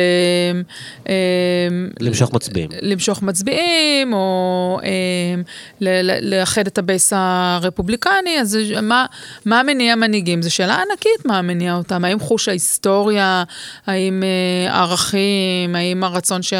אתה יודע, הוא באופן ספציפי עד היום מצטייר כבן אדם שמניעים אותו אינטרסים מאוד מאוד פרסונליים, אה, רגעיים. אפילו, אתה יודע מה?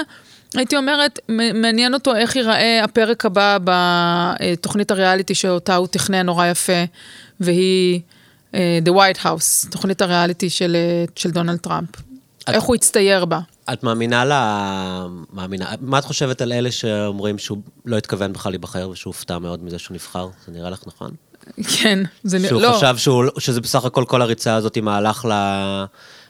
להמשך המיתוג הזה של טראמפ, שבכלל הייתה לו איזה כוונה להקים רשת חדשות שתתחרה בפוקס. לא, ו... זה יכול להיות שהוא היה עושה את זה אם הוא לא היה נבחר, אבל אני חושבת שהוא הופתע מהבחירה שלו, כי אתה יכולת לדעת את זה לפי האופן שבו לא התכוננו שם באותו לילה לניצחון. ותראה, הרבה פוליטיקאים, הם, הם, הם כל כך מאמינים בעצמם, אה, שהם משכנעים את עצמם בצורה מאוד נחרצת שהם מנצחים בכל מצב. אז אני לא הייתי אומרת, אני הייתי אומרת שמי שכבר מתמודד ועושה והולך עד לשם, הוא כנראה מאמין מאוד חזק שהוא מנצח. רק הסביבה שלו לא האמינה שהוא יכול לנצח. היועצים, הילדים, כלי כן. התקשורת כמובן, שלא האמינו שהוא יכול לנצח. אה, הבן אדם בעצמו, אני חושבת שזה drive מאוד חזק, כמעט עם הרבה פוליטיקאים שאני פוגשת אותם ישראלים, או לא משנה מה, הם משוכנעים שהם הדבר הגדול הבא ביותר שיש ליקום לתת לה, לאנושות. כי באמת אתה לעיתים קרובות רואה, רואה פוליטיקאי שאתה אומר, מה אתה חושב, כאילו? מה אתה מתכוון? פתאום ש... מישהו, מישהו מודיע על מועמדות שלו, כן. בלומברג עכשיו. כאילו, כן, מה, הוא... מה אתה חושב? משהו... כאילו, יש לך איזשהו סיכוי באיזשהו עולם אה, לזכות? למה? לא, לא פגשתי פוליטיקאי כן. צנוע. מה אתה חושב? הוא נכון. חושב שהוא הגדול מכולם. אבל, ו, ובעצם את חושבת שהסביבה שלו משק, אה, משקפת לו את זה? כלומר, הוא... אין, זה, חלק מזה זה זה שהם מוקפים תמיד בלקקנים ובאנשים שאוכלים מהיד שלהם, שאין בן אדם שאומר לו, מייק, בבא, אתה לא הולך להיבחר, דיבלזיו, שהיה מועמד, אה, ראש עיריית ניו יורק, ניסה, כן. ניסה לרוץ איזה שבועיים שם. א', אתה מסתכל על האנשים האלה, ואתה אומר, למה, אני רואה שאין לך סיכוי, איך אתה לא רואה שאין לך סיכוי? תראה, א', א', כן. קודם כל, כשאתה מסתכל על אדם שקוראים לו ברק אובמה, mm-hmm. ואתה אומר עליו, אח שלו אין לך סיכוי, mm-hmm. אז אתה יודע שבדיעבד אנחנו יודעים שהסיפור, הנרטיב היה שונה. Mm-hmm. אני אומרת לך, אני אישית הסתכלתי על ברק אובמה ב-2007, בשבתי ככתבת בוושינגטון, ואמרתי, אין לו סיכוי. הוא גם היה האחרון, אחד מלפני הסוף בסקרים, היו שמונה מועמדים, הוא היה במקום, במקום שבע. כשהפריימריז התחילו. כן. Mm-hmm. הסתכלתי. כן, אז האוורד דין, כל מיני שמות כאלה ששכחנו מהם. כן, אמרתי, כן. אין לו סיכוי. אתה הילרי קלינטון, כן. אנחנו מדברים. כן. אה, ג'ון אדוארדס, אני אמרתי, אין לו סיכוי. מי יבחר בארצות הברית אה, מועמד שהוא אפרו-אמריקני? חבל לו על הזמן וכולי וכולי, וזה. ואתה יודע, אני חושבת שבן אדם שרואה את עצמו כמנהיג וכשאיפות ובאמביציה, אז יש לו את האנשים שעושים לו דאון מסביב ואומרים אין לך סיכוי, אז הוא מפטר אותם, כי הוא צריך לה, להרים את עצמו. כן. צריך להאמין בעצמו. אנחנו יודעים שטראמפ עושה את זה כל הזמן. כולם עושים כן. את זה, אבל כן, טראמפ הוא ברמות אה, חריגות, אבל אה, גם אה, כל פוליטיקאי הכי זוטר, אם יש לו... אתה יודע, היועץ או זה שעושה לו כל הזמן, מוריד לו כל הזמן את המוטיבציה, אז למה... כמה אנשים, נגיד, בכנסת, את חושבת, רואים את עצמם כראש ממשלה בפוטנציה? 120. באמת? בגדול. אני מכיר סיפור על אולמרט ש... שהוא היה חבר כנסת והוא אמר כאילו... שהוא הסתכל סביבו ואמר, טוב, אני הכי חכם כאן, אז אני בטח כאילו אהיה ראש ממשלה אחרי ביבי, כשביבי יגמור. ואז הוא אמר, אה, אולי בעצם אהוד ברק קצת יותר חכם ממני, אז אהוד ברק ואז אני. Hmm. אבל, אבל כאילו זה איזשהו... אה, לא, זה מעניין. מעניין, אה, אני, אני מסכים איתך על, על העיקרון שאתה צריך להיות איזשהו קצת דלוז'נט, כן. קצת לחיות בסרט. יש בדיחה ש... אתה תקרא לזה delusion, אחרים יגידו שזה חזון. יש בדיחה שג'רי סיינפלד מספר, שאחרי זה גיליתי שהוא גנב אותה מקריס רוק, שהוא אומר, אתה צריך להיות קצת דפוק מלכתחילה, לשאול את עצמך, אוקיי, מי צריך להיות המנהיג של העולם החופשי ולפקד על הצבא הכי חזק בעולם, ושיהיה לו את הקודים לנשק האטומי, ולהיות הבן אדם שמשפיע על ההיסטוריה? נראה לי שאני... תראה. הסתכלתי סביבי ואני חושב שאני צריך להיות הבן אדם הזה. אני חושבת שהאנשים שזה קורה להם במקרה. שהם, שזה קרה להם, הם, הם אה, לא קיימים בעולם הזה. מי שלא רוצה בזה, ולא מכוון שזה יקרה לו, הוא יכול לספר לך אחר כך איזה סיפורים שהוא... שהוא מספר והוא בונה לעצמו, כן. אבל אם, אה, מה שנקרא, זה עובר לידו, mm-hmm. הוא לא שם. כל מי שרוצה להיות פוליטיקאי צריך לרצות בכך ולעבוד בזה. וזה לאף אחד מהאנשים שמגיעים לצמרות של המקומות האלו, זה לא קורה להם, אה, זה לא קרה להם כי יד אלוהים נגעה בהם, או כי העם בא אליהם וביקש. אין, אין כזה דבר. כלומר, הם, זה, התנאי הבסיסי הוא אמביציה משוגעת ברמות שאנשים רגילים לא מכירים בכלל. בדיוק. כן, וזה 120 איש בוודאות. ואז השאלה כאילו מוסרית, את יודעת, כמה...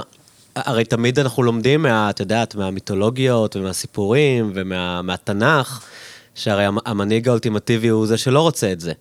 אה, זה, ש, זה שבורח מהנבואה, דוד המלך נגיד, הארכיטיפ של מלך ביהדות הוא, הוא זה שלא רצה להיות מלך. אז כאילו. אני חושבת שזה מיתוסים. Mm-hmm. זה, אני לא קונה את זה. כן, אבל המיתוס הזה בא ללמד אותנו משהו שזה המנהיג שאנחנו צריכים לשאוף אליו, בן אדם עם אולי אה, פחות... המיתוס הזה בא ללמד אותנו שמי שכתב את הסיפור היה סופר מרתק, mm-hmm. וכתב אותו okay. אוקיי. יפה. הוא לא מחובר למציאות. זה פשוט לא קיים. לא קיים. אבל זה כן קיים ברמות שונות, לא? בוועד הבית. לנו יש ראש ממשלה, נגיד. בוועד ש... הבית זה קיים. כשאף אחד לא מוכן לעשות ויש אחד שמסכים לעשות טובה לשכנים. אה, אוקיי, אני, אני מסכים איתך, ועם זאת, אני אומר, אני לא חושב שכל הפוליטיקאים עשויים מאותה רמה של אמביציה. כאילו, לנו יש ראש ממשלה היום, שאני לא חושב שמישהו יכל אה, לדמיין רמת אמביציה כזאת להישאר בשלטון, כי אני, אני חושב על אנשים אחרים, שבשלב מסוים כבר היו פורשים, בשלב מסוים היו מוותרים, בשלב מסוים היו, היו עושים עסקה. כאילו, אנחנו רואים כאן בלייב דוגמה לבן אדם ש...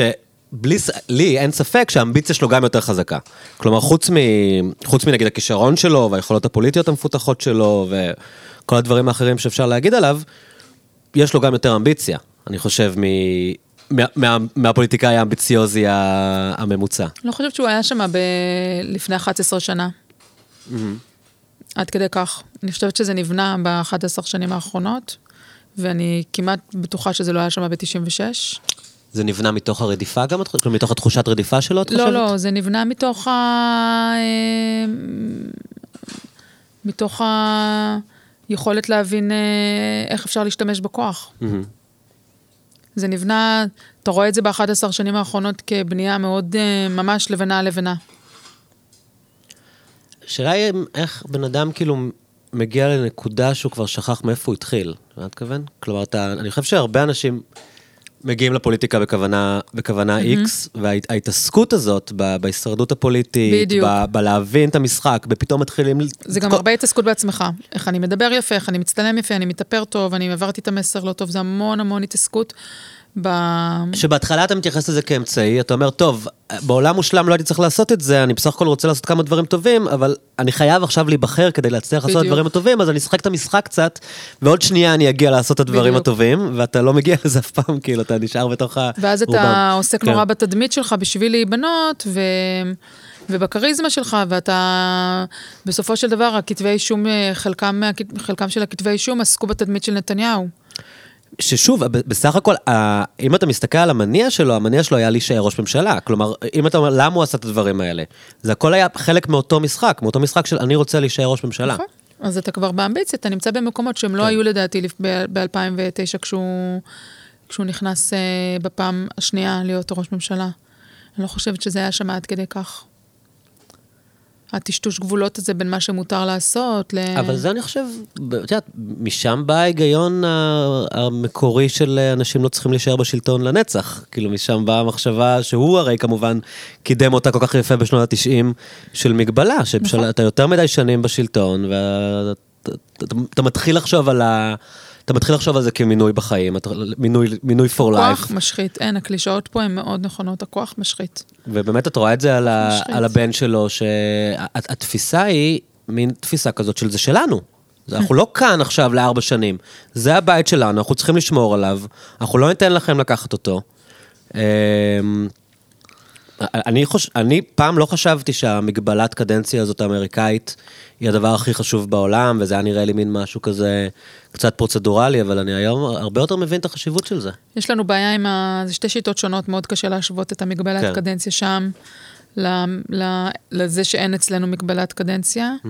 זה לא בדיוק אותו דבר, כי אתה כאן לא בוחר במנהיג, אתה בוחר במפלגה. כן. אז אה, מה תשים הגבלת קדנציה על מפלגה?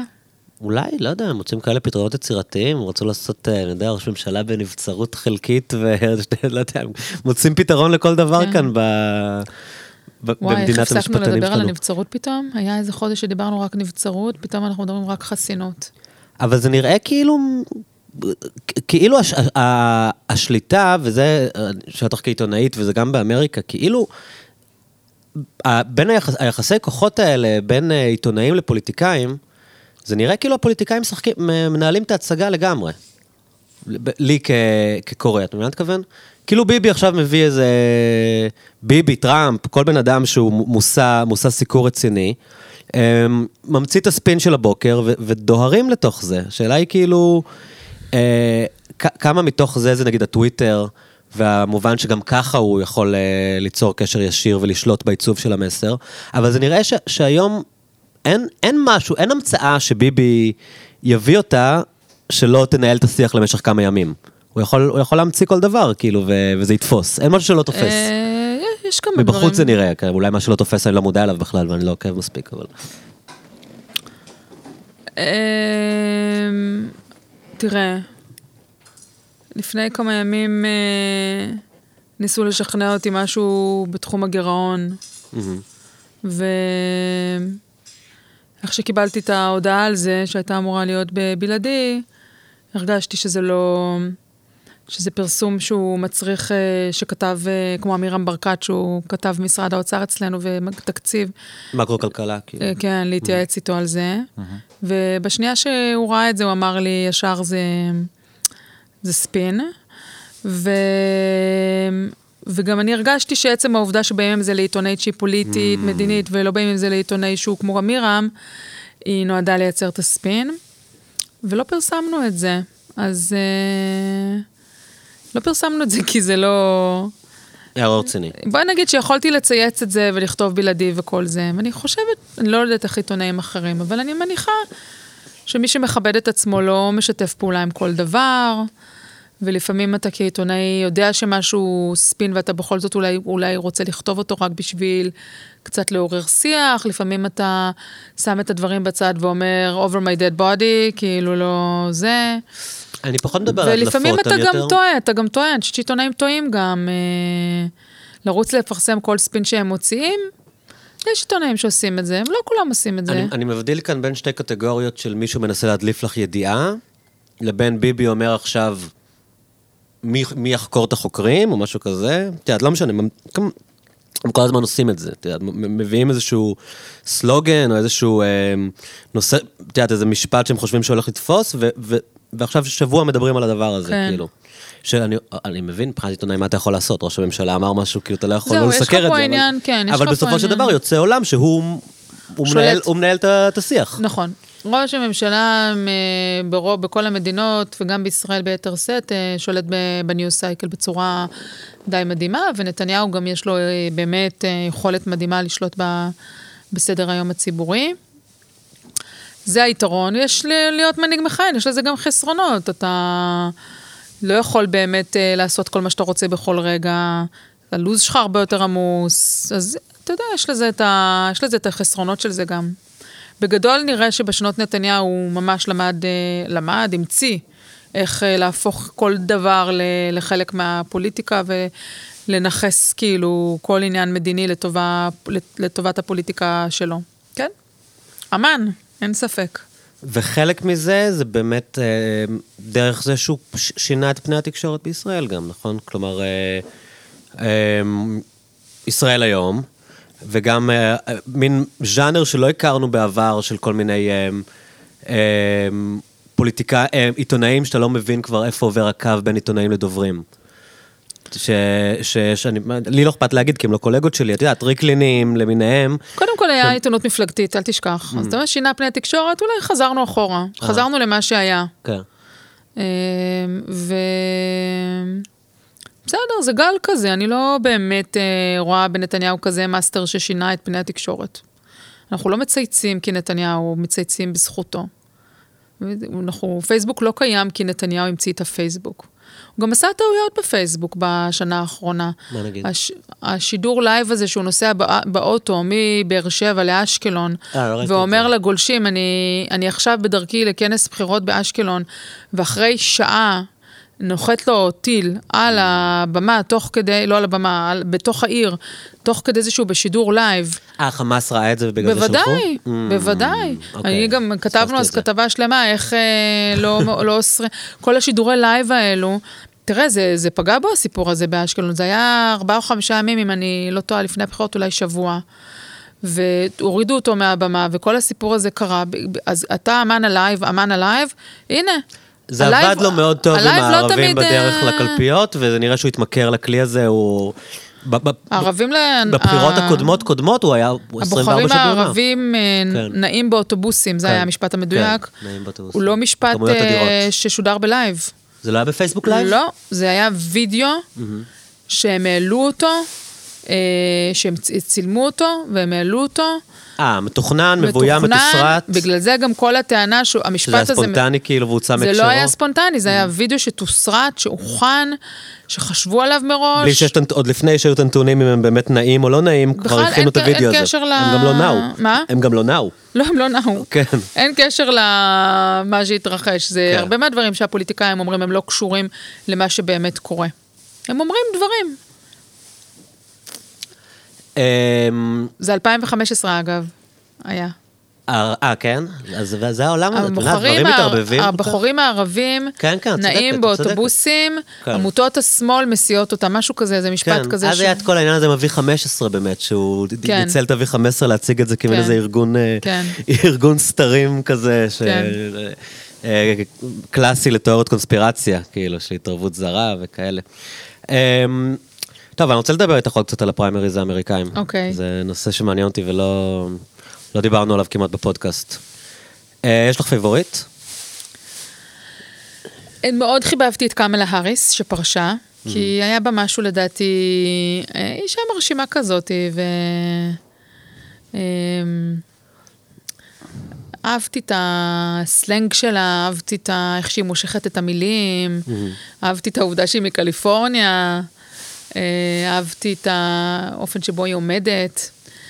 אה, אז אה, ככה די די התבאסתי שהיא פרשה, אבל לא חשבתי מלכתחילה שיש לה הרבה סיכוי.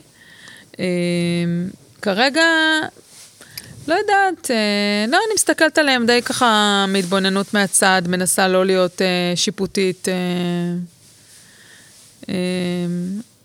בוא נגיד שביממה האחרונה פתאום התחלתי לראות, לחשוב מה יהיה באפריל, מאי, יוני, יולי, ופתאום ראיתי מעין מול העיניים, ראיתי איך נראה קמפיין טראמפ-סנדרס לצורך העניין, כן. איך הוא נראה.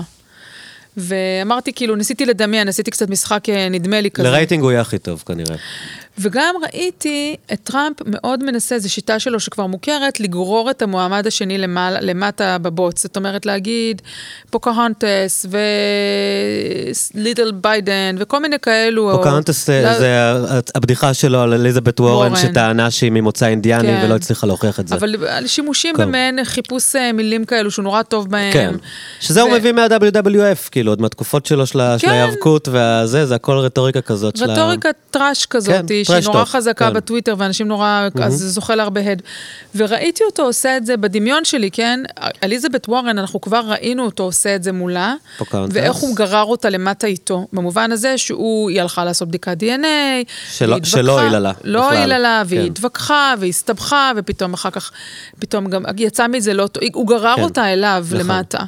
ואני רואה את סנדרס, אה, לא, לא נגרר. כי גם היום, כשאתה רואה את סנדרס בעימותים, אתה רואה מישהו מנסה לגרור אותו לאיזה משהו כזה, והוא אומר, I have the fully, יש לי respect למתמוד, למתמודד השני, ו-this is not the issue, ועם המבטא ברוקלין, this is not the issue, כן. ועוד ישר הוא כן. עובר לדבר על ה-health care ועל כן. ה-poor people, ועל... נכון. אני פשוט רואה איך בקמפיין הכללי, איך טראמפ לא מצליח לגרור אותו למטה. נכון. אז זה הצלחתי לדמיין קצת. אה, אני חושב שבדיבייטים סנדרס יכול להרוג אותו. בניגוד לאחרים, או לפחות לתת לו fight ממש טוב, ולגבי האחרים אני ממש לא יודע. לא, השאלה היא כמה הציבור האמריקאי... בכלל אכפת לו מה-debate הזה. ייגעל מהקללות האלו ויגיד, זה הסיבה שאני... אתה מבין, אם טראמפ יהפוך אותו למעין כזה קדוש מעונה לצורך העניין. אבל... זה סתם, זה לא אומר שזה מה שיקרה, לא. זה לא אומר שסנדרס יתנהג ככה, זה לא אומר שהוא... אני גם לא בטוחה שהוא הפייבוריט שלי, אני חושבת שמבחינתנו כישראלים, הוא צרת צרורה. למען האמת. אה, טוב, זה תלוי גם איפה אתה על המפה הפוליטית בישראל. זה אפילו לא תלוי איפה אתה על המפה הפוליטית בישראל, בגלל שאם אתה בא עם אה, שק של עוינות מסוימת, אז אני מדברת על סנדרס, כן? כן? Mm-hmm. אתה מגיע עם שק של עוינות מסוימת, ולא משנה גם מי ראש הממשלה פה, יש משהו בפוזיציה הזאת שהיא, שהיא לא מועילה לנו להיות במעין אווירת עוינות כזאת. וזה שם, זה נמצא שם, למעט העובדה שייתכן שהוא יהיה מנהיג שלא יתעניין במדיניות חוץ בכלל, אבל אין כזה דבר בעצם. לא, קודם כל, גם לא להתעניין במדיניות חוץ, זה משפיע על שאלות גדולות כמו האם לתת סיוע לישראל או לא. כשאתה לא מתעניין, אז אתה יכול לקצץ בסיוע. אני אפילו לא שם, כי הסיוע סגור לעשר שנים. 아, אה, תראי, ו... אני לא מזהה אצלו את ה... והקונגרס חזק בתחום הסיוע, אני לא רואה את זה שם. כשאת אומרת שהוא עוין, אה, הוא... הוא מקיף את עצמו באנשים שמאוד עוינים לישראל. הם עוינים את מדיניות ישראל. לא, הם עוינים ממש את ישראל. מה, את מדברת על אילחן עומר ו... כן, ועל uh, הסרוגט שלו, uh, לינדה סרסור. Mm-hmm. וזה לא אומר שזו המדיניות שלו, אבל uh, אתה בוחר את מי להעמיד בצמרת של, ה... של היועצים שלך. טוב, הוא לא מעמיד אותם שם בגלל העמדות שלהם לגבי ישראל, הוא מעמיד אה, לא, אותם... לא, אתה טועה. יש okay. אוקיי. חלק מאוד uh, משמעותי mm. במפלגה הדמוקרטית, ש... שהנושא הזה, הנושא הזה של, של הפלסטינאים, החיבור, הקהילה הפלסטינאית האמריקאית, חיבור שלהם הקהילה השחורה, הוא קריטי להם. לא קריטי נאמבר 1, אבל הוא קריטי, הוא קריטי במקום כלשהו. ו... כן, זה לא... אני, אני שומע אותו בהתבטאויות מאוד זהיר. כלומר, זאת אומרת, יכול להיות שכמו שאת אומרת, ב-affiliation הוא מסגנ... אנשים מסוימים מקבלים את המסר שהוא יוביל מדיניות אחרת, אבל הוא אין, אין הזדמנות, וזה מדובר על בן אדם שכן אומר אמירות אמיצות בכל נושא אחר, הוא לא אמר אי פעם משהו כמו, הוא תמיד אומר שהברית בין ישראל לארה"ב היא לא מוטלת בספק, ואת כל הדברים האלה שכל אה, האמירת, מועמד דמוקרטי אמר אי פעם, הוא אומר. האמירת וזה... סיוע היא לא אמירה שדווקא תחסל את הסיוע לישראל, אבל היא כן נותנת לך, אמיר, היא אמירה שמצפנת לך, נותנת לך אינדקס על ה-state of mind, היא נותנת, היא כמו טאגי, שאתה מבין mm. מזה איפה הוא נמצא. ובתחום הזה הוא נותן את ההתבטאויות היום הכי אה, קיצוניות מבין כל המועמדים הדמוקרטיים. ואני צריכה להזכיר גם, לשם האיזון, מה שנקרא, mm-hmm. שדונלד ג'יי טראמפ עמד באייפאק ב-2016, יום לפני ועידת אייפאק, אה, ואמר אה, בקולו, ואני חושבת שגם, אני חושבת שגם היינו שם, אני לא זוכרת אם הייתי, לא, לא, לא, לא, לא הייתי שם. הוא עמד מחוץ לוועידה באיזושהי מסיבת עיתונאים, ואמר, אני הולך לקצץ בתוך נשיא את כל סיוע חוץ לכל המדינות, וכתב אחד הרים את היד ואמר לו, האם, האם זה אומר שתקצץ גם לישראל? והוא אמר, כן, אני אקצץ גם לישראל. קמה מהומה רבתית, למרות ש... אתה יודע, אתה ואני יודעים שאז לא חשבו שהוא מועמד בעל סיכוי, וישר בישראל התחילו ללחץ, הילרי קלינטון לא מדברת ככה, אם היא לא תקצץ סיוע, היא מבינה, והוא, איך הוא מדבר. למחרת הוא עלה באייפק לנאום, ו... עשה, כן, גלגל את הכל חז לגמרי. כן. תיקן תוך 24 שעות, אה, ומאוד הלחיץ ב-24 שעות האלו את הישראלים פה על הדיבור הזה. אני, אני לא חושב ש... שברני הוא, הוא, הוא איזשהו איום או סכנה לישראל. כאילו, אין לי... אין לי את התחושה הזאת לא מלהקשיב לו הרבה ולראות ולהקשיב יהודי. לא כן. איום, מטריד, מדאיג. האיש סנאטור עשרות שנים, מתי פעם אחרונה שהוא היה פה? כל הסנאטורים מגיעים, דמוקרטים או רפובליקנים, ננסי פולוסי פה פעם בשנה, צ'ק שומר פה פעם ב...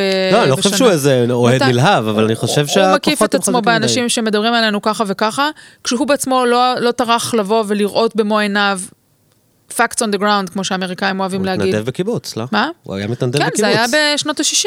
כן. עכשיו, הוא היה פה, זה אני לא אומרת שהוא לא היה פה בכלל, אבל mm-hmm. האם הוא היה פה בעשור האחרון?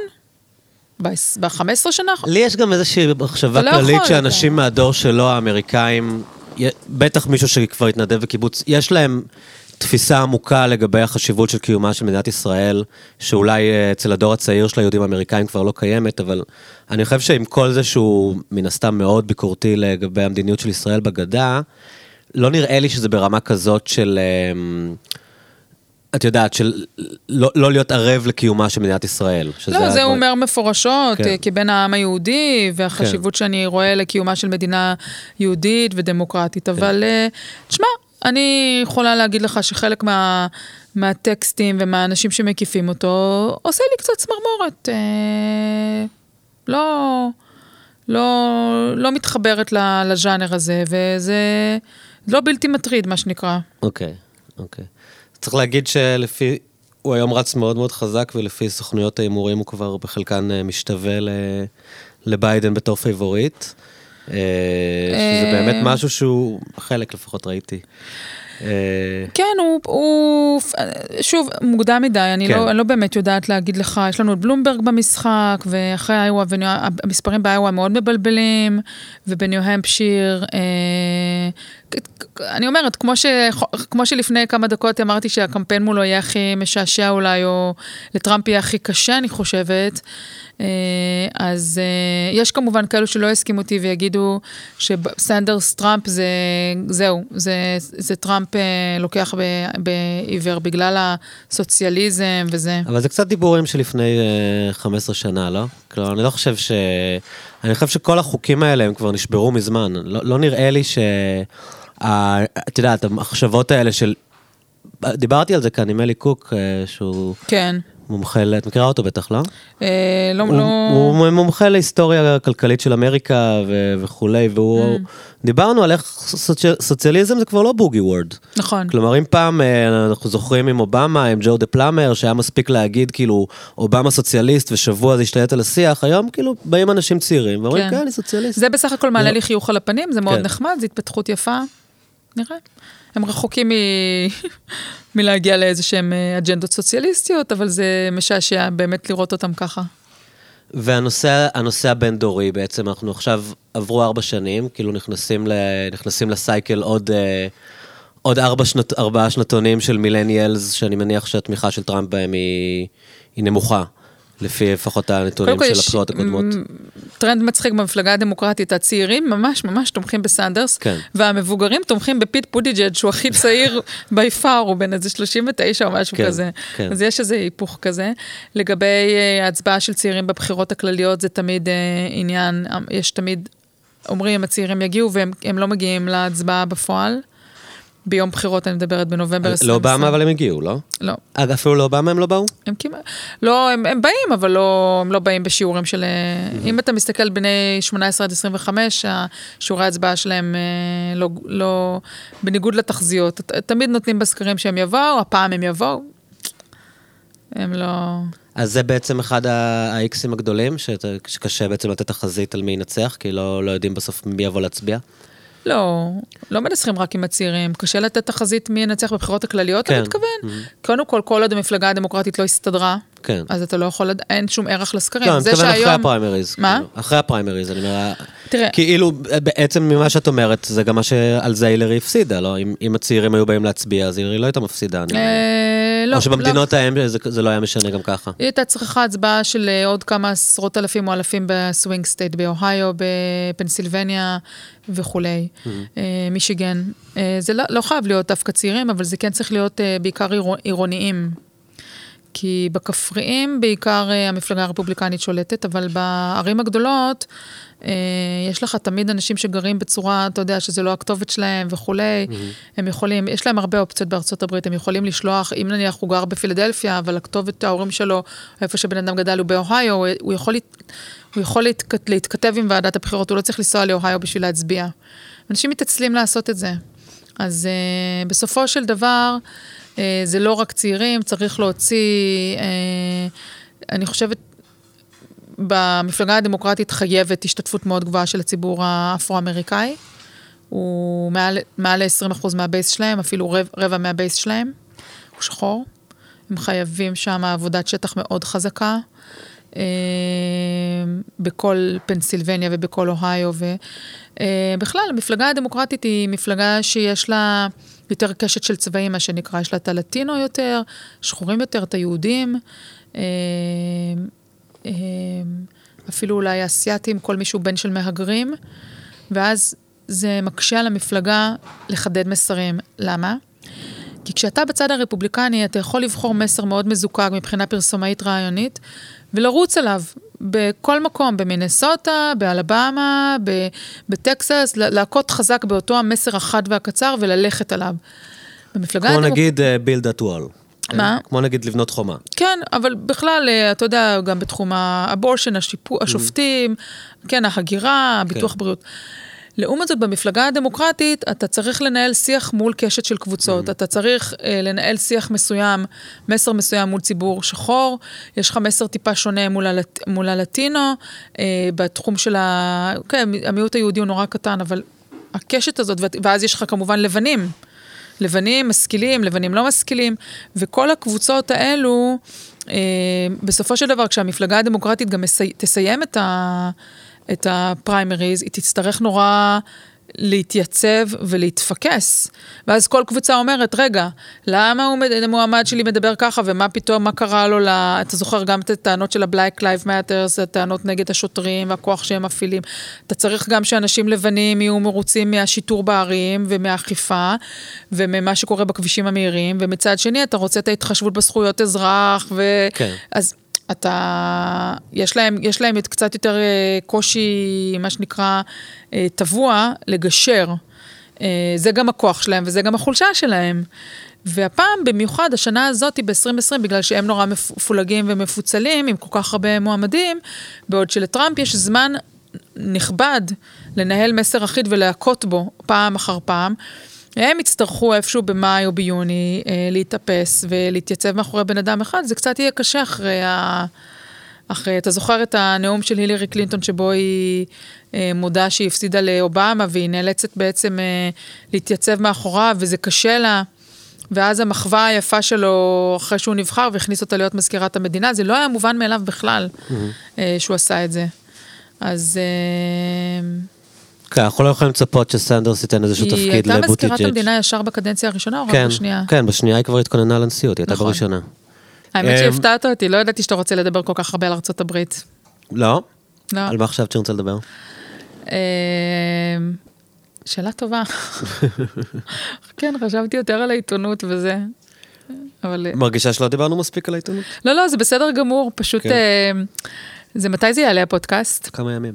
הבנתי. כי זה תכלס ממש אה, יוצא חופף לתכנים של הפודקאסט שלי. אבל זה נורא שונה אצלכם, לא? אתם כאילו מראיינים אנשים על... אה, מביאים מומחה, כן. ומטפלים כן, בנושא נכון, ספציפי. נכון, נכון. דווקא אני חשבתי בקטע שכאילו...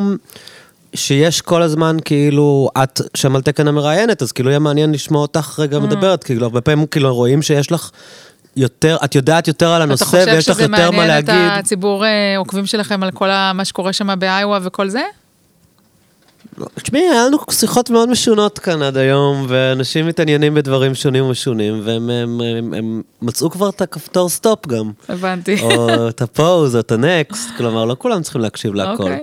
Okay. Um, אני כן חושב, אמרתי, כבן אדם שמאזין לפודקאסט הזה שלך, אז את מביאה מומחים, כבודם במקומם מונח כמומחים, אבל אני מרגיש שגם את יודעת מלא ויש לך כן, את הדעות שלך, אז אפשר פעם אחת לשמוע את יודעת, זה מרגיש שם לפעמים שאת עוצרת את עצמך מלהגיד את הדברים. תן לי פה קצת, אם אתה מאזין, כן. תן לי קצת ביקורת, נו. קודם כל, אני ממש לא מחשיב את עצמי איזה מומחה ב... לא, תן ביקורת על מה צריך לשפר. אני חושבת שצריך להקליל אותו קצת. אני חושב קודם כל שהוא מפתיע לטובה בקלילות שלו. כן, בסדר, כן, לא יותר מדי כבד. כי פודקאסטים בישראל זה נורא מעניין, שהרבה פעמים אתה מקשיב לפודקאסטים, והם... אנשים עדיין חושבים שהם ברשת ב' כזה. Mm. הם כזה, שלום רב לכם, אה, למאזינים, רק נאמר, את יודעת. ואתם דווקא כן, כאילו, יש לכם כזה את הסמול טוק הזה, ואין הקפדה על לשון פורמלית מדי, ויש לכם דינמיקה טובה ביניכם. כן, ו... פסובסקי מדהים. וכן, והוא הוא, הוא, הוא גם הוא קליל כזה, כן. ועושים צחוקים וזה. אמ, ביקורת, תשמעי, אני, אני כאילו שייך יחסית לכאילו לאסכולה שאני לא אוהב שזה מרגיש מופק מדי. בדיוק. כאילו שיש כזה הרבה מוזיקות רקע, ויש כזה מוזיקה כן. בזמן שאתם מדברים, וכאילו הרגשה שזה כזה מגיע מאולפני. אני, את רואה מה אנחנו עושים כאן, זה כאילו, כן. אני מאוד באסתטיקה של... יש לנו עכשיו אתגר, כי אני נוסעת לאיואה, ואנחנו מאוד מתלבטים איך, אה, איך להרים את זה מבחינה טכנולוגית, ו... אה, מתלבטים um... קצת, וגם אורי צריך להיות בעוד נסיעה שלו, אז... אני בגדול אוהב שזה מרגיש אה, כמה שיותר אינטימי ו- ו- ומשוחרר, ואני חושב שבסך הכל אתם בבלנס די טוב, כי אתם עדיין אה, פודקאסט של גלובס, אה, ועדיין, את יודעת, מקשיבים לכם גם אנשים שהם לאו דווקא, את יודעת, חובבי פודקאסטים מובהקים, כן. והם כן אולי מצפים למשהו טיפה מסודר ומאורגן, ולא שני אנשים שבזרם תודעה מדברים על כן. מה שבא להם. הבחירה של האורחים מעולה. שכמעט כל השיחות שהקשבתי אליהן היו טובות. יופי, אחלה, נהדר, תודה. אה, כיף, באמת. מגניב. אז טוב, בדרך כלל אנחנו אומרים אחרי, אה, איפה עוקבים אחרי האורח, אבל אצל טל זה יהיה ארוך עד בלתי אפשרי, אז אה, אני, אני אגיד, טוב, את תגידי מהר, יש טוויטר? יש טוויטר טל שניידר, כן. יש פייסבוק טל שניידר, יש אינסטגרם טל שניידר. הכל מעיטים אותו דבר. קבוצות ש... וואטסאפ שאפשר להירשם אליהן, הן פתוחות אה, אפשר, לציבור אה, הכללי כן. עדיין? מה? כן, אני מכניסה, כן. אם אני לא בסוכה או משהו, אני מכניסה. אמ, ותקראו אותה בגלובס ותקשיבו לפודקאסט שלה. יש את העיתון, שהוא לדעתי אדיר ובין הנהלה נהדרת. ומי שבא לו כמובן אה, להיכנס עדיין זה עיתונות ממוסדת, אבל באמת יש שם רוח, אה, גם רוח גם, אה, נכון? יזמית, נכון? וגם רוח נשית. גם העיתון השתנה מאז חילופי בעלות, לא? השתנה, ויש שם הרבה תסיסה וכיף, כן. אני מאוד נהנית שמה. וכן, יש שם מחלקה דיגיטלית משובחת. ממש. שכוללת גם את הפודקאסט, המדריך כן, לטראמפיסט, כן. שהוא מומלץ להאזנה. המדריך לטראמפיסט. אה, אז טל, מלא תודה שהקדשת לנו את הזמן. תודה, תודה על האירוח פה. ביי. יאללה, ביי.